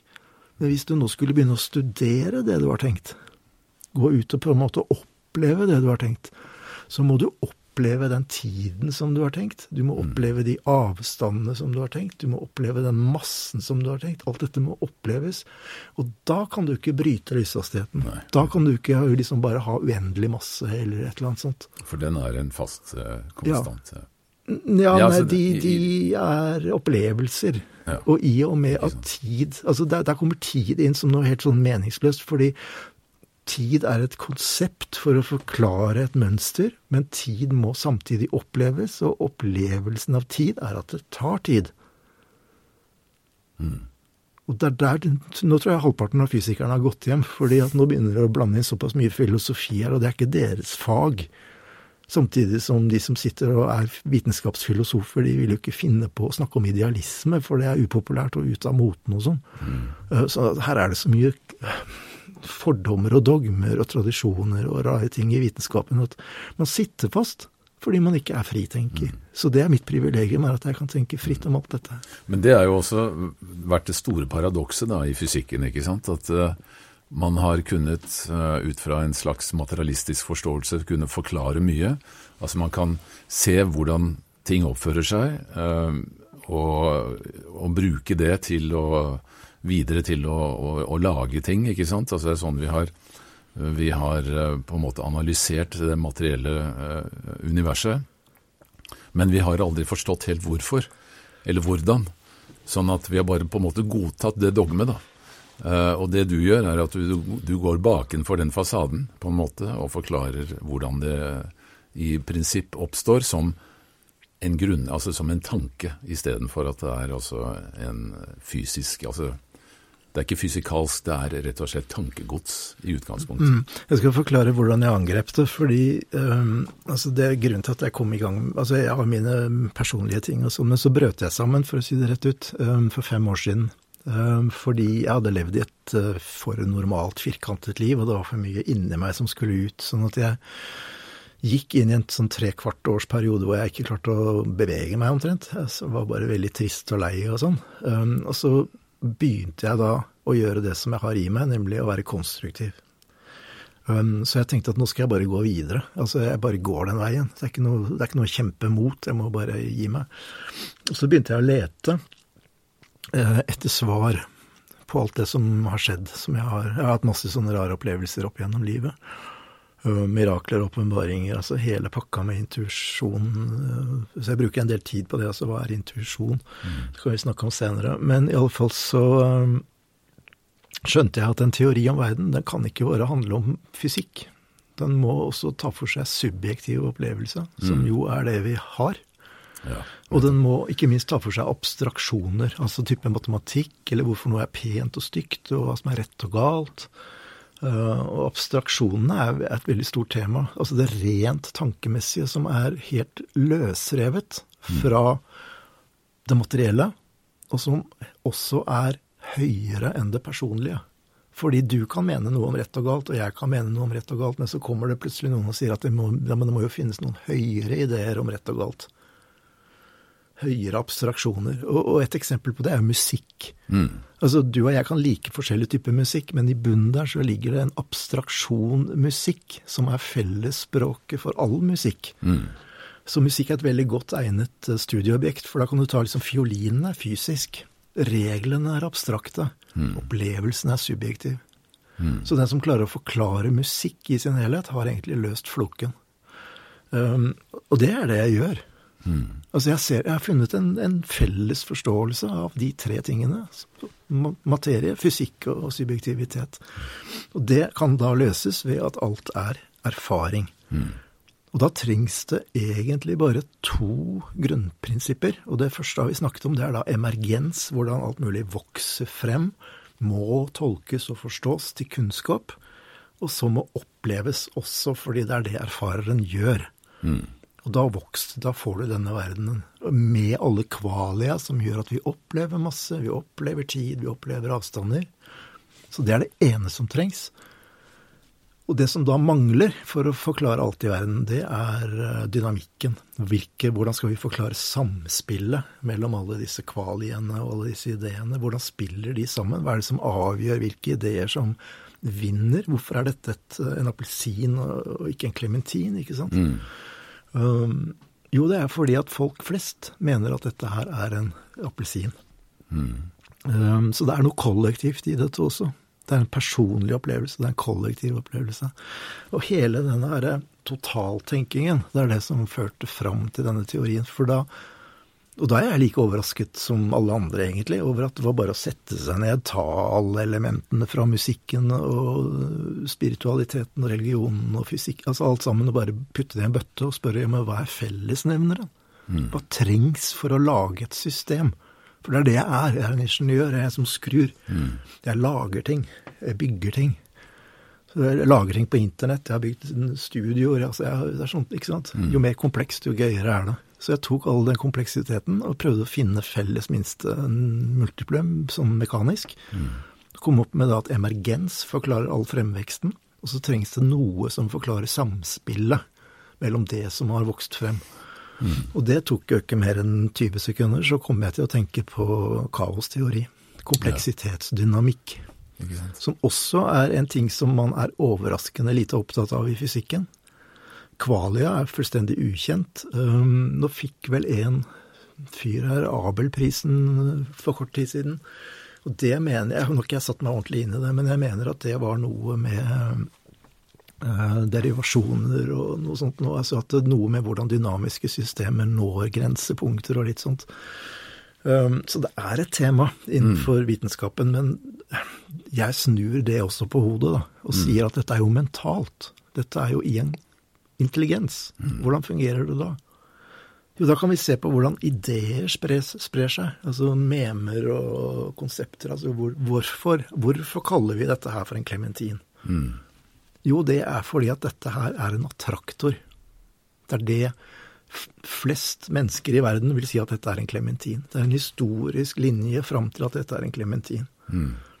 Eh, hun jeg var gift med en gang, hun mente at dette var en mandarin. Den kampen er ikke avgjort enda. Men, men det spiller egentlig ingen rolle, fordi for henne er det en mandarin. For meg er det en klementin. Og for oss til sammen så er det en sitrusfrukt, i det minste. Men det viser på en måte noe om at den som har den sterkeste tolkningen, mest sannsynlige, plausible tolkningen, vinner. Den som på en måte kan underlegges, underlegge seg andres tanker om det samme. Og det er da Trump liksom kan dukke opp ikke sant, med noen rare ideer, og så er det masse andre mennesker som har gått rundt og tenkt det samme, men ikke sagt det.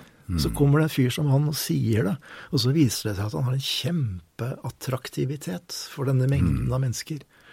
Sånn at hans geni, for eksempel, er jo at han, han kjenner denne dynamikken. Han lever i den. Og det ser de jo på Trump, det er jo det han har gjort på TV. Han har sittet og sagt at du er et dårlig menneske, ut med deg. Du er et bra menneske, bli med meg og tjene en million. Han, det er jo sånn han har drevet på hele tiden. Han, mm. han har skilt sterkt fra svakt. Mm. Og Derfor så er han kjent på strømningene, og så han, har han blitt en kjempemental attraktor mm. for en stor gruppe mennesker. Så det er en attraktor i, i uh, funksjon. Attraktorer er altså det viktigste prinsippet, vil jeg si, når det gjelder kaostenking. Eh, men så har vi da sommerfugleffekten. Eh, og det, det, vanlige måten å fremstille det på er at hvis en sommerfugl et eller annet sted i Amazonas, i jungelen, skulle slå med vingene, så kan det godt føre til at det dannes en tornado et eller annet sted oppe i Texas i USA noen 14 dager etterpå. Mm. Fordi den sommerfuglen traff noen molekyler i luften som igjen traff noe som forsterket seg, osv. Og, så og da er vi inne på den tredje greia, med at ting kan forsterke seg i såkalte feedback-sløyfer. Mm. Sånn at hvis noen først, hvis først én begynner å gjøre noe mm. Et eksempel jeg bruker da, er at uh, da jeg var guttunge, så var det et ukeblad som skrev om at i år er det hvite juletrær som skal være greia. Og det skapte jo furore i der husmorgjengen der oppe, så det var jo hvite juletrær og diskusjon om det i ukevis før jul.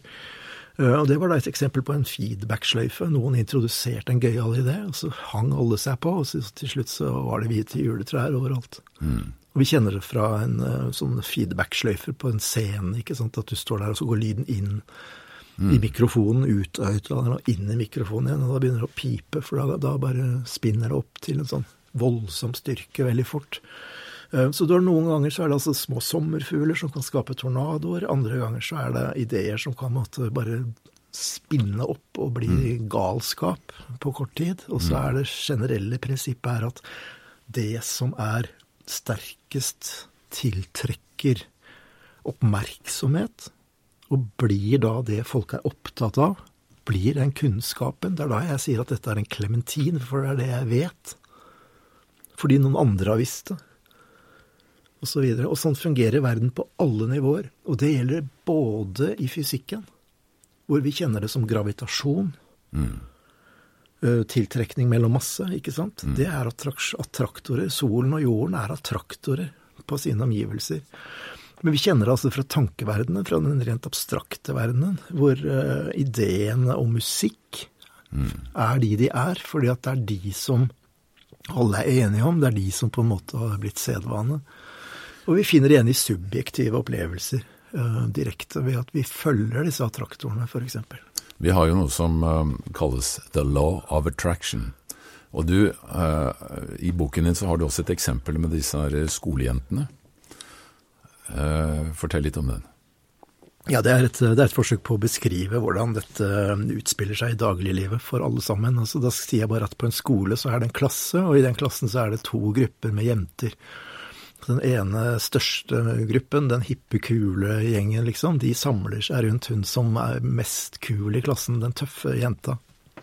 Men så er det de som da har av ulike grunner ikke syns hun er tøff, de syns hun er brutal og rå og osv. Så videre. sånn at de samler seg rundt den, den, snille, som også har sine greier. Og der står det da to av traktorer på en måte mot hverandre.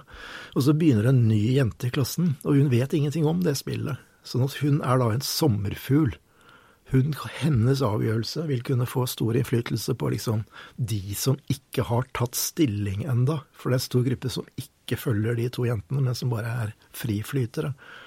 Og fordi hun sommerfuglen kommer inn, så kan hun liksom tiltrekke seg Hun er smart, hun er det nye. Så hun ene er snill, hun andre er sterk, og hun tredje som kommer inn, hun er smart. Sånn at hun får med seg noen folk. Og så kan du få en sånn feedback-greie, og så plutselig smukk, så er det hun som har trukket til seg flertallet av de fri elevene.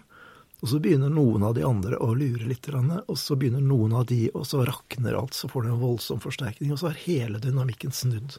Mm. Og sånne ting opplever vi på arbeidsplasser, i familien og til frokost og overalt. Altså Vi opplever jo det nå også i, på et stort internasjonalt nivå, altså med disse narrativene som utspiller seg på hver side av den russisk-ukrainske grensen, med to narrativer som står 180 grader imot hverandre. Og for de som befinner seg på den, enten den ene eller andre siden, så virker narrativet like sant. Altså, og det er jo en utrolig sånn studie i hvordan vi mennesker lar oss både forføre og manipulere og, og styre av sånne attraktorer, som du sier. Ja, men det jeg syns er mest uh, Hva skal jeg si uh, At vi, at vi er altså prim, primitivt oppi det, fordi vi har kommet så kort i forståelsen av sånne ting. Uh, det er jo at I mine øyne så har begge sider og alle sider rett. For de har sin virkelighetsforståelse. Eh, jeg skjønner på en måte, Nå skal ikke jeg sitte og bare si at jeg skjønner Russland og Putin og sånn, men jeg kan sette meg inn i deres sikkerhetssituasjon. Jeg kan skjønne på en måte angsten, fordi altså Vesten har jo dobbelt så mye våpen og styrke og overlevelseskraft. Og Russland har, en, har, ikke det. Og Kina er i en posisjon Altså, jeg skjønner på en måte at sett fra deres Hvis jeg hadde vært i deres sko, så hadde jeg vel tenkt noe av det samme. Men selvfølgelig ikke gått til våpen. Men, eh, men, men nå er vi inne på noe viktig, fordi all mening er gyldig. Mm. Alt du tenker jeg, jeg, lagde en liten lapp underveis. altså Da jeg begynte på denne prosessen helt bevisst og konkret for fem år siden, uh, så, lagde, så, skrev jeg en bitte litt, så var det bare kom en idé til meg, så skrev jeg den ned på en liten lapp, og på den lappen så sto det 'Alt du tenker er gyldig'. Og den, stod, den, er, den ringer opp i hodet på meg fortsatt, fordi mm. alt du tenker er faktisk gyldig for den som tenker det, i den situasjonen. Verden er Og så spør andre hva er meningen med livet, hva er meningen med verden? Meningen er meningen. Mm. Hele verden er bare en eneste stor mening. Hvis du nå tar det derfra og ser på denne manifestasjonen, da, denne materielle manifestasjonen som vi egentlig er som mennesker. Um, ja. Ja, jeg skal, skal, jeg bare forklare? Jeg tror jeg bare overlater ordet til deg her. Ja, ja. altså vi har, Det vi har nå, det er en erfarer, en gud, en stor tanke, en stor intelligens, som tenker, som har et voldsomt innhold. Og det, det innholdet er universet. I dette universet så opplever og tenker denne erfareren at uh, først oppsto noe støv og noe soler og noen planeter osv., og, så og så kom det steiner og vann og hav, og så kom det levende skapninger, og så plutselig så, opple så opplever da så, så, så, forestiller erfareren seg hele, hele jorden. Uh, men så kommer det at jeg sa i sted at erfareren er nødt til å oppleve det den forestiller seg. Så hvis jeg forestiller meg et eple, dette eplet er en forestilling hos meg, og jeg opplever det med smak og lukt osv. Så sånn er det med Gud i forhold til mennesker òg. Sånn at den har fått ideen om skapninger, ideen om steiner og fjell og broer og, og, og trær. Og de blir også opplevd av denne erfareren. Mm. Så det å være erfareren, være i Gud altså Etter at vi dør, så kommer vi dit. Så, men det er en stor opplevelse. Det er en opplevelse av alt på en gang. Alt på en gang, det er hvitt lys. Mm. Alt på en gang, det er alle toner og all musikk. Altså, det er alt på en gang. Det er en enorm følelse. Det er ekstase, sies det. Ja. de som har vært der et par ganger. Og det har vi. Men det er en annen historie. Eh, men denne opplevelsen, altså denne forestillingen som erfareren har, den må også oppleve mennesket. Mm. Og det gjør den. Så, så, så erfarer Gud opplever altså hver eneste lille spurv og menneske og sånn. Mm. Og det skjer da ved at en bit av bevisstheten Altså, det er jo én bevissthet, alt dette her, som da fokuserer på dette mennesket. Mm. Helt konkret på den første cellen, for den er den som er ny. Altså når uh, et barn blir til, så dannes det en celle av mors og fars uh, kjønnsceller. Mm. Den, den, kombinerte første cellen kalles for en zygote. Mm. Og den er ulik, den er ny hver bidige gang. Fordi at det er summen av DNA-et til to skapninger som ikke tidligere har fått uh, et avkom. Mm. Og det må forstås. Og det erfareren gjør, akkurat som du må oppleve en appelsin, så, så, går det inn og så opplever du den zygoten. Og den zygoten er i vekst den vokser. Sånn at der ligger det en oppmerksomhet, et fokus på den zygoten som bare vokser og vokser og vokser. Og deler seg og deler seg. Deler seg og deler seg. Og disse opplevelsene tar tid. De oppleves som tid. De er i tid og rom. Det, det skjer en utvikling. Men da ligger fokuset fast på utviklingen av dette nye. Og det blir da til forestillingen om et menneske. Det mennesket blir da født det er en veldig stille og rolig opplevelse så lenge du er inni magen, for da er det bare en langsom vekst. Men så kommer da fødselsøyeblikket. Før du kommer til fødselsøyeblikket, jeg må få lov til å stille et spørsmål der. Ja. Fordi når zygoten deler seg første gangen i to celler, så vet på en eller annen merkelig måte at den ene cellen skal ende opp uh, i en stortå, mens den andre skal ende opp i en lever. Hvordan vet de det? Det er fordi disse ideene om stortå og lever, det er tidligere Altså de er utviklet på tidligere stadier i eh, utviklingen av universet. Sånn at det er tolkningen av en celledeling av den typen um, har gått sin gang opp gjennom evolusjonen. Og når man kommer fram til et menneske, så er det helt klinkende klart for erfareren som opplever disse celledelingene, at ja, det kommer til å bli lever, og det kommer til å bli uh, nyrer osv. Men de er jo helt like i utgangspunktet. Altså Når den zygoten deler seg, så er det to identiske celler. Ja, men selve del... Altså, Dette har ikke jeg selvfølgelig tenkt på i detalj, akkurat det. Men, men det, er, altså, det, er, det, har ikke noe med selve zygoten å gjøre, men det har med liksom kombinasjon Altså zygote i to eksemplarer. En splittelse der. Um, grunnen til at det måtte splittes, det, det, er et eller annet i, langt tilbake i tid som mm. gjør at det skjer.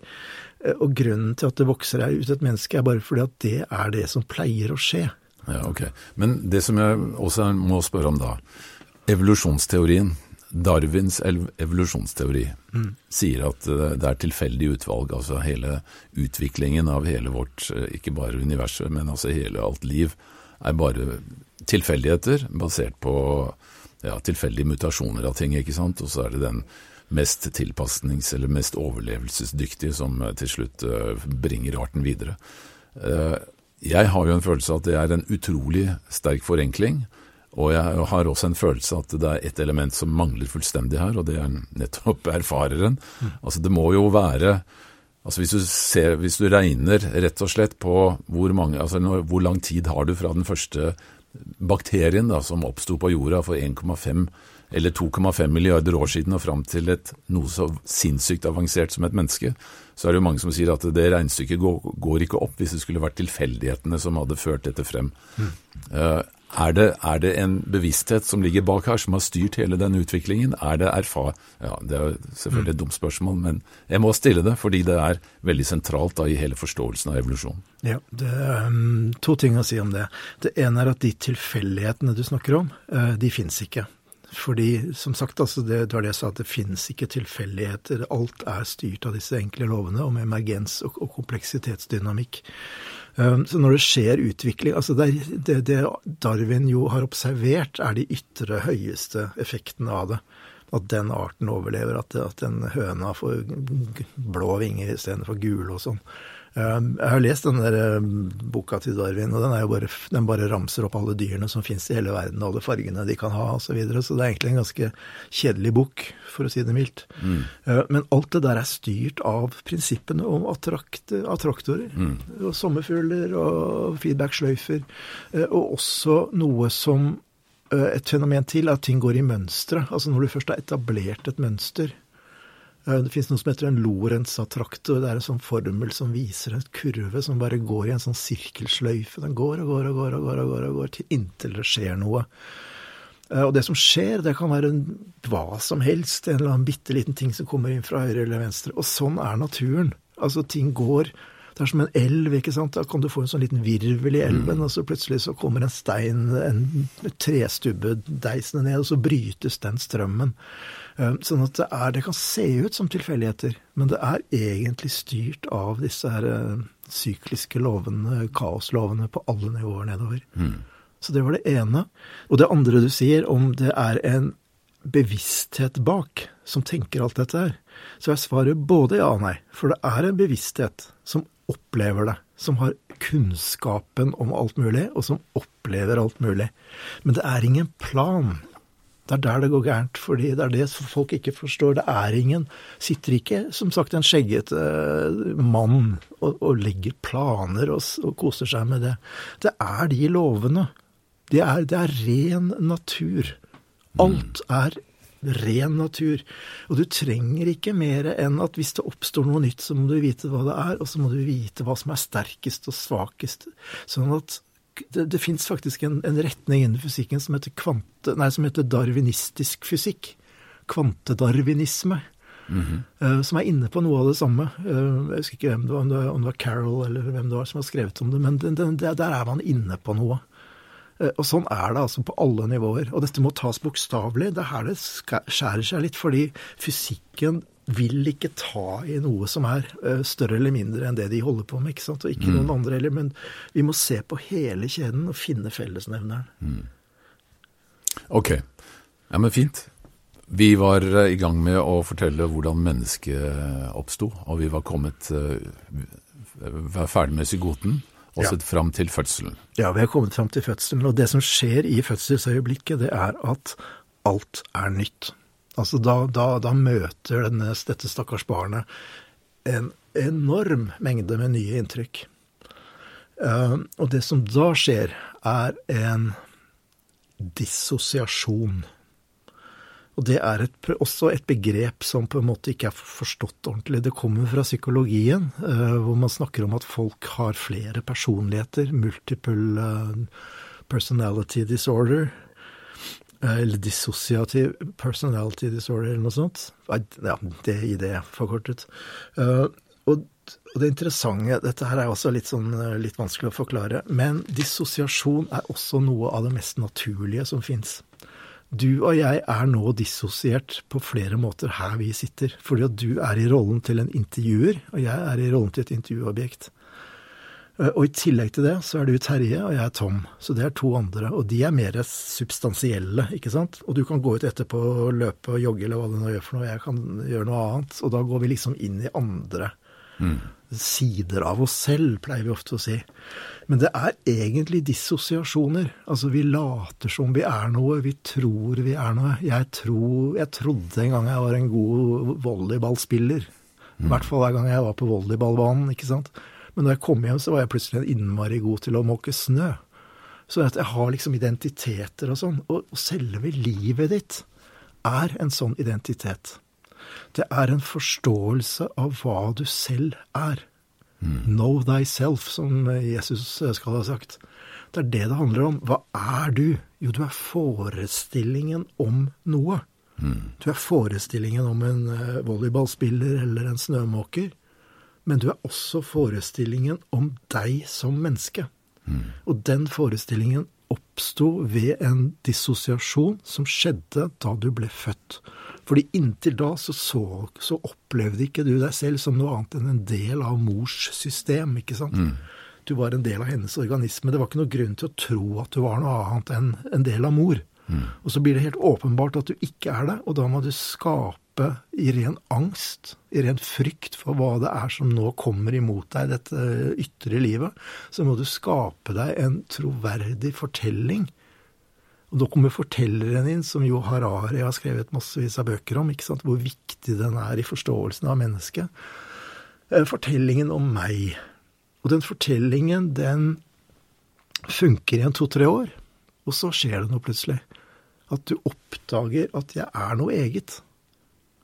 Fordi selv om barnet altså har kommet seg ut av magen og må forholde seg til noen legoklosser og bamser og masse rare farger og, og flagring og stemmer og sånn, så skjønner ikke barnet før det har gått en stund, har fått kunnskap om alt mulig, at jeg er et eget individ. Da kommer forestillingen om det, og det skjer sånn i treårsalder, hvor du blir selvbevisst.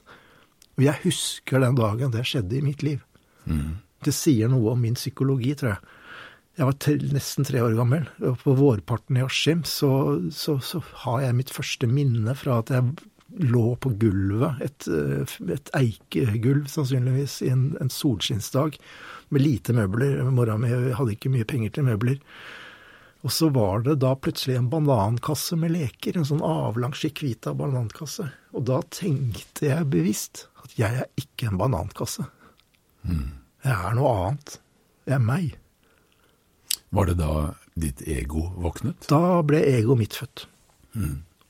Sånn at et menneske er altså ikke bevisst seg selv som et separat objekt før du blir selvbevisst i, i tre års alder. Det er ganske spesielt. Og så putter vi altså ungene våre i barnehager i alderen null til tre år. Hva gjør vi med dem da, egentlig, sånn selvbevissthetsmessig? Vi gjør så mye gærent.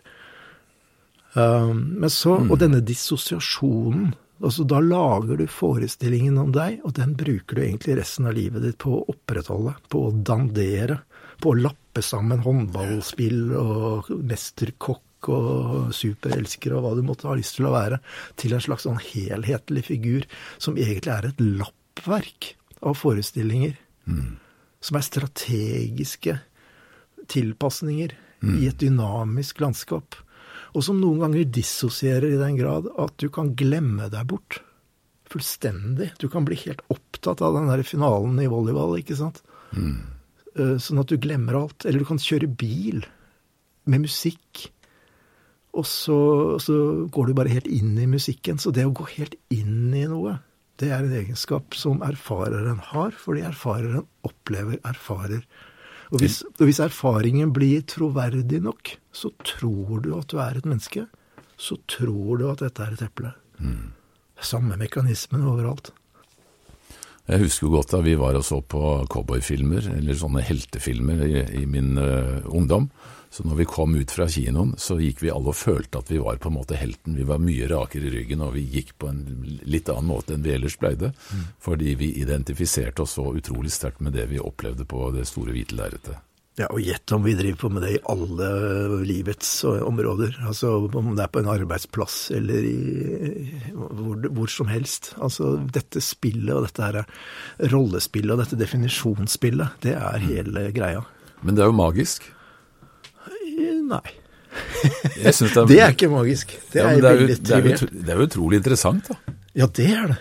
Ja. Det er det. Men det som er interessant, det er jo forhold Det som virkelig er vanskelig her altså har, Du kan tro at det vi har snakket om er vanskelig, men det som nå blir vanskelig, det er jo hva er, hva er på en måte Sett fra et menneskets, pers menneskets perspektiv, hva er vi i forhold til erfareren? Mm. Og hvordan opplever vi at vi er erfareren i dagliglivet vårt. For det gjør vi. Uh, og vi gjør det på to måter hovedsakelig. Det ene er at det rommet vi sitter i nå, det er ikke konstruert oppi hodet ditt. Det, det, er ingenting fysisk. Det er det første. Det er ikke noe materielt. Så det er en forestilling, det er en idé i en erfarer som har kommet fram til at sånn dette er, Jeg tror det er bøker, jeg tror det er en stol, osv. Tenker erfaren. Så opplever du bøker, så opplever du stol. Og mennesker, ikke sant. Um, og den fellesforestillingen, den er i den kollektive erfareren. Den mm. tilhører ikke deg eller meg privat.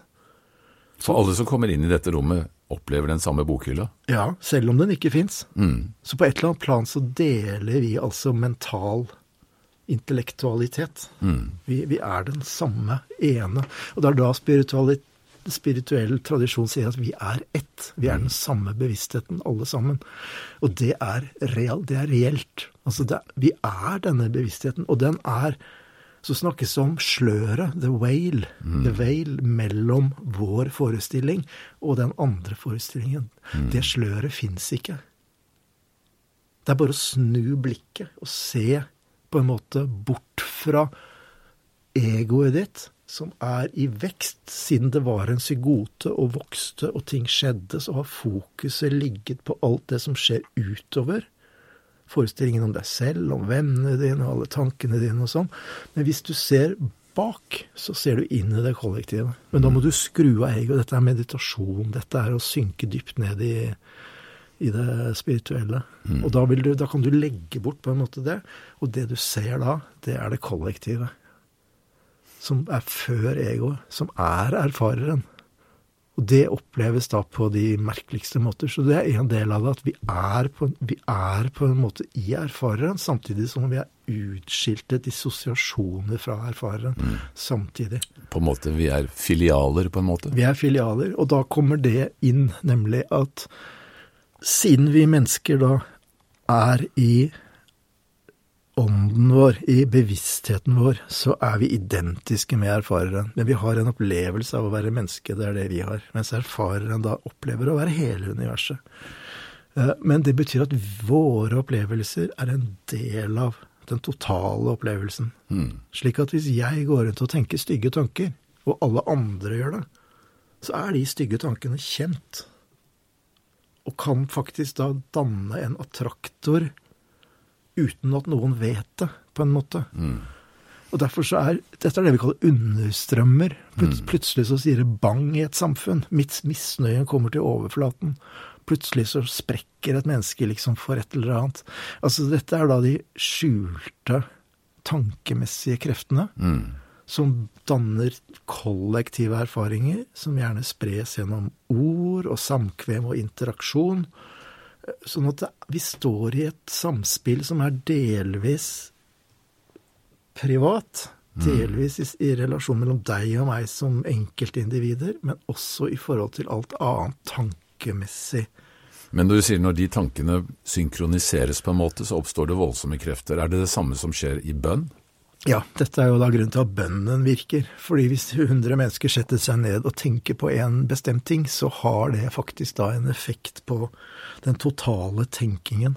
Det er det samme som, Egentlig er det akkurat det samme som det med Trump, som jeg nevnte, at han kan få ting til å skje. Og det kan man også med bønn. Så bønn uh, er da å prøve å påvirke det kollektive. Det, dette var jo et eksperiment som, uh, som beviste dette, hvor man i Washington for noen år tilbake klarte å kalle inn en del folk som, som satte seg ned for å meditere på at kriminaliteten skulle gå ned. Mm. For det var mye kriminalitet i Washington.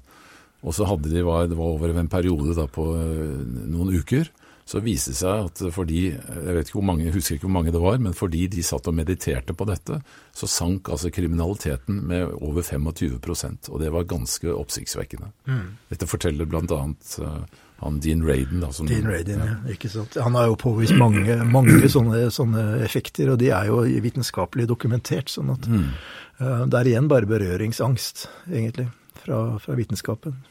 Det andre forholdet uh, som vi må se litt på når det gjelder meg, altså det, det personlige enkeltindividet uh, i forhold til erfareren, det er hvordan ja, jeg skal bare gå rett på, fordi det sentrale her er intuisjon. Intuisjon er uh, kunnskap som kommer fra det kollektive alene, som ikke er påvirket av det du selv som ego og alle omstendighetene og vennene og sånn driver og påvirker deg til. Eller som du sitter og tenker privat inni hodet ditt. Noen ganger så får du så, så, så, så, glemmer du det. Så legger du bort på en måte egoet ditt. Og det kan skje, som sagt eh, jeg, jeg, bruker Jeg sykler veldig mye. Det er sånn jeg får litt trim, også fordi jeg jobber hjemme, så må jeg ut litt av og til. Så jeg sykler faktisk to timer nesten hver dag. Eh, og da bruker jeg det for å ta imot meldinger intuitivt. Det er det som er hovedformålet med det. For da er, det, da er jeg i denne flowen som jeg snakket om når du kjører bil og sånn. Da er det ikke andre ting som skjer. Jeg kommer liksom inn Andre kan gå i naturen, ikke sant, og på fjellet og skogen og sånn, så, så, bare glemmer du deg selv. Og, og det fins, hvis du slår opp i leksikon, så fins det altså en liste på hvert fall 30-40 forskjellige ulike typer intuisjon. Altså du kan få det som kalles en epifani, som er en sånn kortvarig lite glimt av en innsikt. Mm. Eller du kan få hele, selvfølgelig, store, store ja, revelations uh, osv. Åpenbaringer. Uh, men det er også masse altså magefølelse. Det er uh, det er, det er, det er, ja, Jeg har ikke hele listen foran meg, men det er, en utrolig lang og interessant liste. Og de erfaringene har det til felles at de er umiddelbare. Det er ikke tid, involvert. Det er, de er løsningsorientert, som regel. Altså de, de, bare løser opp i noe som tilsynelatende er uløselig. Så plutselig så skjønner du at ja, men sånn skal det være. Og så er det så er det uh, for, Altså du får plutselig vite hva du skal, rett og slett. Uh, ja, nå er jeg litt tom på eksempler her, men, men, men intuisjonen er da kort og godt navlestrengen tilbake tilbake, når du glemmer mm. egoet ditt og alt det som har oppstått der ute, så får du sånne glimt. Men de glimtene, de intuitive glimtene, de er jo kjempeinteressante. Ja. Sånn at egoet Altså, det, man, min logiske, analytiske hjerne tråkker jo da til etter bare to sekunder og begynner å spørre Ja, genial idé! Og så, går tenke, så begynner jeg, tenkingen min igjen, ikke sant. Eh, Sånn at et sånt flash det varer aldri mer enn en fire-fem sekunder. Det er veldokumentert. Og det har altså en styrke i seg som Altså du får en følelse av sannhet. Av, eh, av noe overjordisk, rett og slett. Men, men nettopp det at det forsvinner etter fire-fem sekunder, det gjør at det er en indikasjon på at det kommer fra et annet sted. Det er mye som tyder på at dette er rett og slett kollektiv kunnskap som kommer inn. Og vi som har øvd oss på det Altså, jeg har holdt på med dette hele livet. Jeg, jeg husker jo intuitive opplevelser fra jeg var lite barn. Og har hatt de, jeg har de nesten daglig. Um, og jeg leser det inn på mobilen. Jeg har 2700 klipp liggende på den mobilen akkurat nå, og det er da bare sånne epifanier og innsikter og tjohei. Så hovedkilden til boken det er altså eh, Det er intuitive epifanier. Eh, um, Så i den store, ene bevisstheten som alt er, så er det emergenslovene som Eller prinsippet om emergens, at det utvikles ting, og så oppstår det noe nytt, og så oppstår det noe nytt, osv. Det er det ene, og så er det da hvordan det samspiller. Og så har jeg sagt, så har jeg sagt at dette er da deterministisk. Det er ingen frihet i dette. Disse lovene, hvem som er den sterkeste jenta i klassen, styres av forholdene i den klassen. Hvor det kan være en sommerfugl som kommer inn, hvor noe kan forsterkes i feedbacksløyfer og sånn. Dette, dette er bestemt av de lovene. Det er ikke noen gud eller noen som sitter og bestemmer dette. Det bare skjer fordi lovene er som de er, og da blir det som det blir. Og igjen, og her oppstår da masse mening, fordi erfarere må vite hva det er som skjer, må oppleve hva som skjer. Og det er der meningen oppstår. Men den oppstår av det som skjer av seg selv. Det er der meningen vokser ut av det som skjer. Så for hver nye ukjente ting så oppstår det en liten brikke ny mening. Da punkerne kom, liksom, så var ikke punker noe begrep. Og så var det en som sa at ja, men se på det rare mennesket, det er en punker. En, en eller annen har sagt det første gang. Og da ble begrepet punker en greie, og den går nå alle rundt i verden og kjenner til. Og det har vi ikke noe frihet på i det hele tatt. Men allikevel så har da, fordi vi er dissosierte vesener, så vet jeg at det er en punker der borte. Men jeg kan allikevel velge å gå bort og gi vedkommende et stykke marsipankake og en klem. Som er helt mot alle reglene for punkere. Det kan jeg gjøre hvis jeg vil. Men det blir ikke noen motebølge av det. Det forandrer liksom ikke verken punkere eller noen ting, fordi attraktoren, ideen om punker, henger ikke sammen med marsipankake og klemmer. Men jeg har friheten til å prøve. Sånn at hvis jeg var Martin Luther King og ville noe her i verden, så kunne jeg prøve. Og hvis jeg hadde ordets makt og nok styrke og var manipulativ nok, eller het Putin og kontrollerte alt, så kunne jeg prøve å påvirke. Men de kollektive kreftene er nesten alltid så sterke og så innarbeidet at det er ikke mulig å påvirke dem. De er det, verden er deterministisk, og så er det masse sånne uryddige, ikke-lydige skapninger som prøver å finne på noe nytt. Og hva de finner på, slåss på en måte i en kamp om definisjonsmakt med det kollektive. Så dette er psykologi, dette er ren psykologi, ingenting annet. Sånn at istedenfor å kalle boken for Erfareren, så kunne jeg ha kalt den for Det psykologiske universet. Ja. ja, faktisk. Det hadde vært det riktige. Hvis man bare, og så Egentlig kan vi bare droppe hele, hele denne podkasten og si at verden er psykologisk. Punktum. Det er det den er. Og der har jo da, og dette er også interessant, fordi psykologien har ikke kommet spesielt langt. Det er vel den vitenskapen som egentlig på mange måter har kommet kortest. Som henger igjen. Som henger igjen. Og hvor vi altså da setter, vi bare putter en pille inn i et menneske og sier, kaller det for en lykkepille, og så er, så er det kurert for OCD, liksom. Altså det, det, er ikke, det, er, det er så primitivt at vi Det er omtrent som å trekke tennene uten bedøvelse, det vi driver med for tiden. Så vi burde, vi burde ta det faget mye mer seriøst og erkjenne at all is in the mind, som det heter. Altså at det, er, det er der det er. Det er ingen andre steder. Alt må snus. Ja. Det er det helt sentrale. Alt må snus. Alt må snus. Alle årsakssammenhenger er motsatt i et idealistisk univers. Det er rock'n'roll.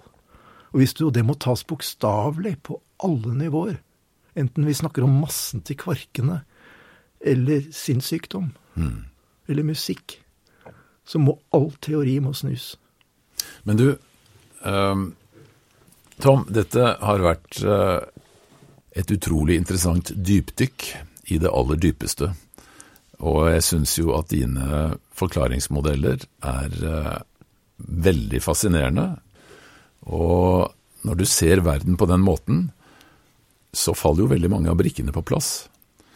Og når du ser fysikken på den måten, så faller jo også veldig mange av de brikkene på plass.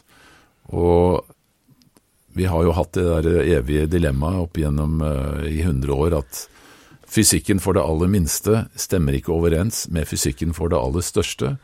Altså relativitetsteoriene på den ene siden og kvantemekanikken og kvantefysikken på den andre siden har ikke klart å snakke sammen. Mm. Og det det problemet er jo løst når du presenterer ting på den måten som du gjør. Ja, så Nøkkelen er ordet kvalia. Eh, det er det jeg vil på en måte holde fast i her. fordi nå leter man etter gravitone. Mm. Nede på The Large Hadron Collider så skal man finne dette gravitonet, kanskje. Som skal være partikkelen som forklarer gravitasjon. Altså, det er feilforstått. Fordi hvis gravitasjon er en opplevelse, mm Eh, vi må rett og slett bare bringe inn opplevelsen i hele det naturvitenskapelige grunnlaget vårt. Så, så blir det noe helt annet. Altså, hinduismen har jo forstått det, egentlig. Ja, ja. Taoismen har forstått det. Alle Altså, ja. Men vi har glemt det? Vi har glemt det, ganske enkelt. Så vi er mm. forblindet av oss selv, på en måte. Ja. Um, og når du da spør om det er noe verdt å tenke på framtiden, altså tenk hvis vi klarer å løse dette her, da. Hvis, vi, hvis dette begynner å bre seg. Og så, så, skjønner vi dette, og så begynner vi gradvis å våkne fra her, dette marerittet, egentlig. Så, så, har vi altså masse muligheter. Men jeg er nok redd for at det går ganske godt til grønne før vi dukker opp til overflaten igjen, men Sånn er det jo med sånn, alle ja. store kriser. Ja, de, vi, vi, må langt ned i kjelleren før vi klarer å komme opp med en ny innsikt. Ja, men det interessante er også at de store internasjonale politiske krisene vi har, de er jo også styrt av kompleksitetsdynamikk. Ja. Så bare å forstå de og mm. da må vi i hvert fall begynne med å forstå hvorfor Putin gjør som han gjør, osv., og, så videre, og alt annet som går gærent. Vi skjønner jo ikke det. Jeg skal ta et bitte lite eksempel til slutt på det. Ja. Det var at da pandemien kom, Um, så ble jeg bedt av en jeg kjenner å skrive en artikkel om hva jeg tenkte om pandemien. Og så skrev jeg om kaosteori. At uh, pandemier er natur. Sånn at uh, Og da skrev jeg um, to ting. Det ene var at man kan ikke forby pandemier. Man kan ikke lukke det inne i verken det ene eller andre type rom, liksom, og regne med at det går bra. Fordi natur styrer seg selv. Ikke sant?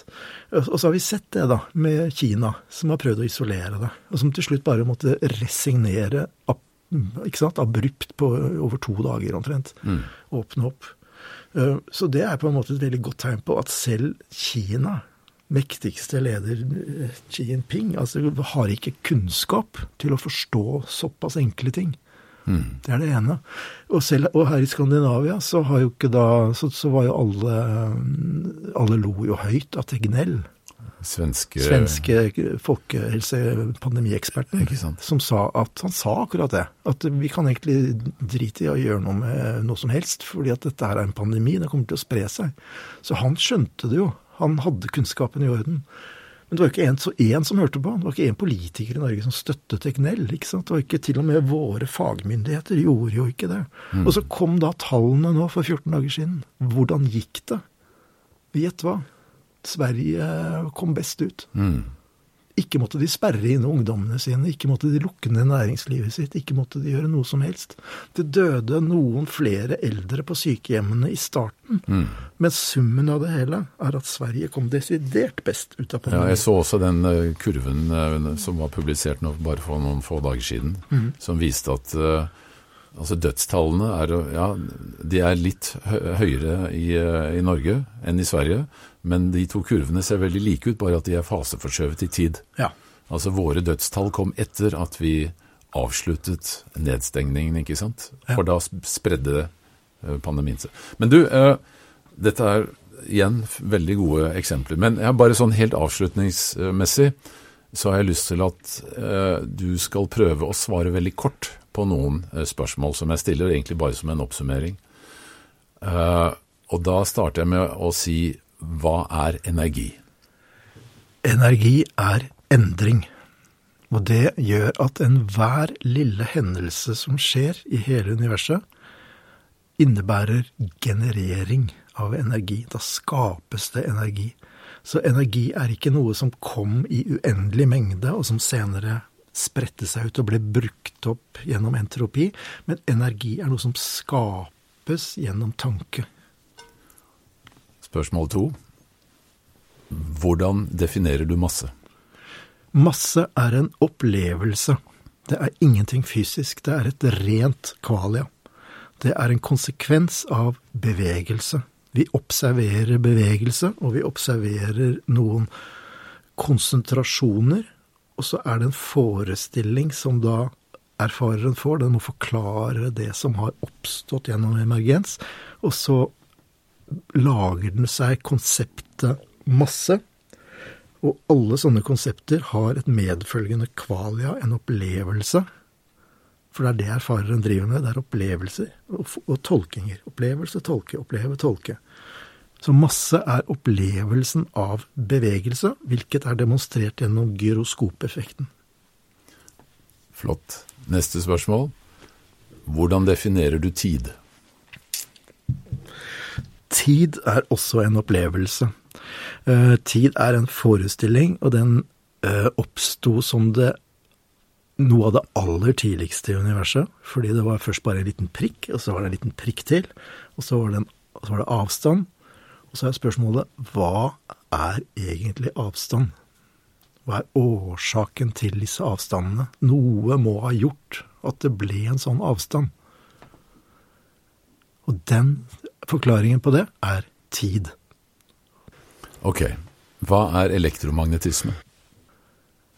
Elektromagnetisme er bundet til begrepet elektrisk ladning, som er et uforklarlig fenomen. Vi har en del Gravitasjon er uforklarlig, tid, masse er uforklarlig, spinn, altså spinnet i, en partikkel, opp- og nedspinn, har vi ingen forklaring på rent fysisk hva det er substansielt. Um, og det samme gjelder elektromagnetisme. Um, og elektromagnetismen er, er, det som gjør at uh, erfareren opplever seg selv. Mm. Fordi enhver endring et, i hele universet er, har en elektrisk komponent, en elektromagnetisk komponent, og den uh, blir da registrert. Så det er mekanismen på en måte erfareren har laget for å vite hva som foregår, og det er også for oss den mekanismen som gjør at vi opplever verden gjennom synet. Så det er helt identisk, helt samsvarende.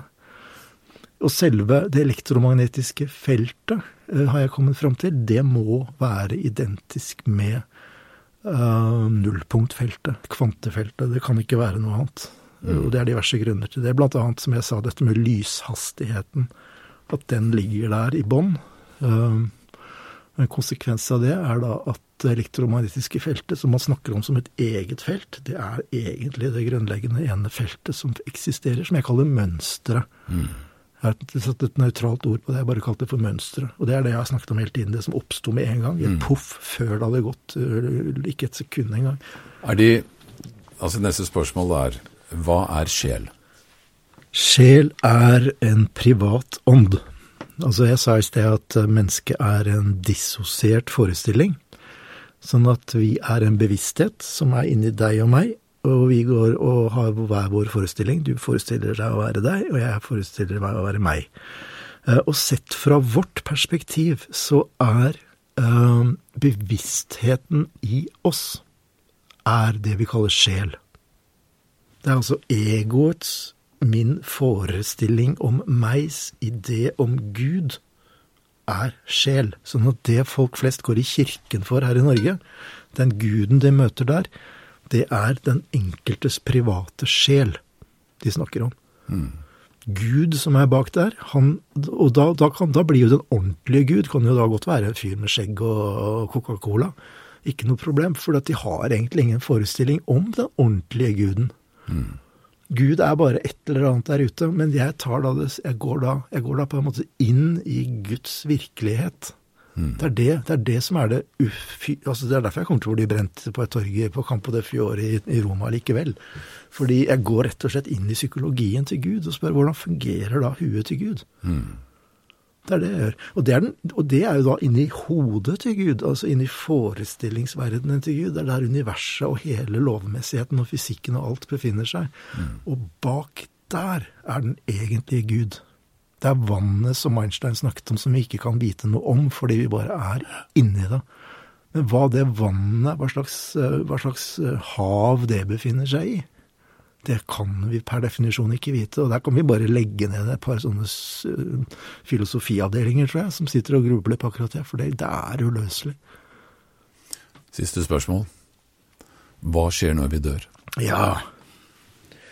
Eh, det som skjer da, er, et, eh, er bare at opplevelsen av å være et menneske, den opphører. Eller den opphører jo ikke. altså Du, du, du dør, da betyr det at kroppen din slutter å puste. Eh, Du blir til slutt brent og puttet i en urne og satt under bakken. Der er det ikke mye endringer som skjer. Altså, det er ikke lett å tro på seg selv som et menneske hvis du er plutselig blitt til en liten bøtte med, med, med aske.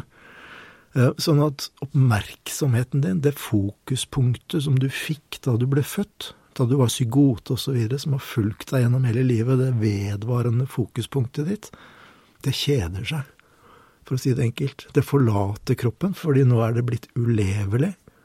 Så dissosiasjonen opphører. Dette er ikke noe gøy lenger, det er ikke interessant lenger, det er ikke nyttig. Jeg er meg. Jeg er individet meg. Det udelelige, det individ, ikke sant? Udelelige. Det er meg.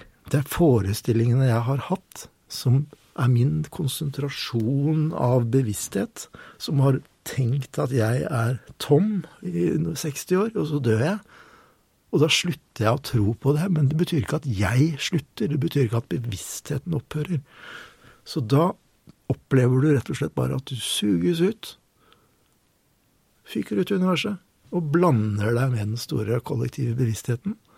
Og der har du fortsatt identiteten din i behold, for det er ingenting som har skjedd med tankene dine, med opplevelsen din, annet enn at du opplever nå plutselig hele universet fra det perspektivet. Er, det er spørsmål om perspektiv og ingenting annet. Og så er du der oppe, og så er du jo ikke tom lenger. Du er alle minnene om, om meg og, og alt sammen.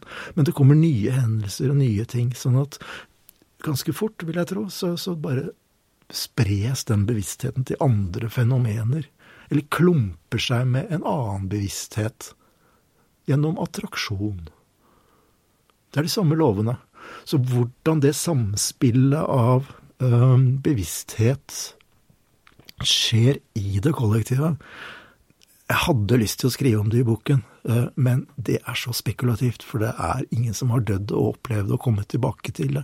Men rent teoretisk så er det ingen problemer å beskrive det. Vi går rett og slett, Bevisstheten bare går ut av en dissosiasjon, tilbake til det kollektive. Og i det domenet, det kollektive domenet, så ser vi jo utenfor tiden, for der er ikke tid. Altså opplevelsen tid eksisterer ikke, konseptet tid eksisterer. Avstand. Så all tid og all avstand er umiddelbart tilgjengelig som en abstraksjon i det kollektive området. Og Derfor så kan jeg altså da fyke som en banan til en annen planet, eller gå inn i en episode i barndommen og studere den. Kjempebra. Jeg har ett siste spørsmål til allikevel. Hva er kjærlighet? Kjærlighet er alt. Størst av alt. Det, alt er kjærlighet. Det er åndens vesen, rett og slett. Eh, Kjærlighet er ikke Erik Fromm skrev en bok på 50-tallet hvor han skrev The Art of Loving, og da skrev han om liksom kjærlighet på en måte som gjorde at alle husmødrene på 50-tallet skjønte at det var noe mer, noe romantisk Altså, det er ikke romantikk, det er ikke det er Teal Swan, som er, en, som er en av de sentrale eh, spiritualistene i vår samtid, hun sier at, eh, kjærl at eh, kjærlighet egentlig er see, intimi intimitet. Å se inn i en annen, altså forstå en annen. Og smelte sammen i forståelse. Det er det det er. Og det er altså en returnering til det ene vi er. Dette er, den, og det, dette er lengselen som ligger i alle mennesker. Det er å komme tilbake fra den traurige splittelsen, dette kaoset av ting som jeg må balansere for å holde ideen min om meg selv på plass. Rollene jeg inntar, mer eller mindre. Hele det slitet. Og så vet vi innerst inne at vi er ren kjærlighet. Mm. Vi vet jo alle sammen. Og vi lengter dit. Ja, og det er å komme hjem snakker man da om, ikke sant, når man dør osv. Altså hele, all, all, den der spirituelle og religiøse terminologien den faller på plass også med dette verdensbildet. Og det syns jeg er mm. Jeg synes det er ganske bemerkelsesverdig at ingen har. Ja. Tom, jeg må si tusen, tusen, tusen takk for uh, at du har delt alt dette med oss. Og for de som er interessert i å studere det videre i din bok, mm. så må de vite hvor de kan få tak i denne boka. Ja, og da skal jeg si følgende at for meg så er det viktigste at disse ideene blir spredt, blir kjent. Jeg tror det er uh, tusen ganger viktigere enn noe annet, sånn at jeg har lagt den ut gratis. Uh, ja, på internett på følgende adresse varhet.com, pussig nok.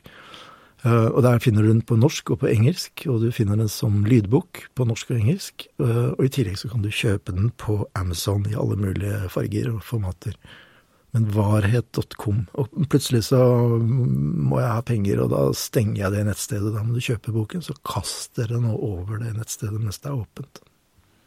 Tusen takk, Tom. Tusen takk for at du kom. Gleden har vært på min side. Og tusen takk for det arbeidet du har gjort. I like måte. Takk.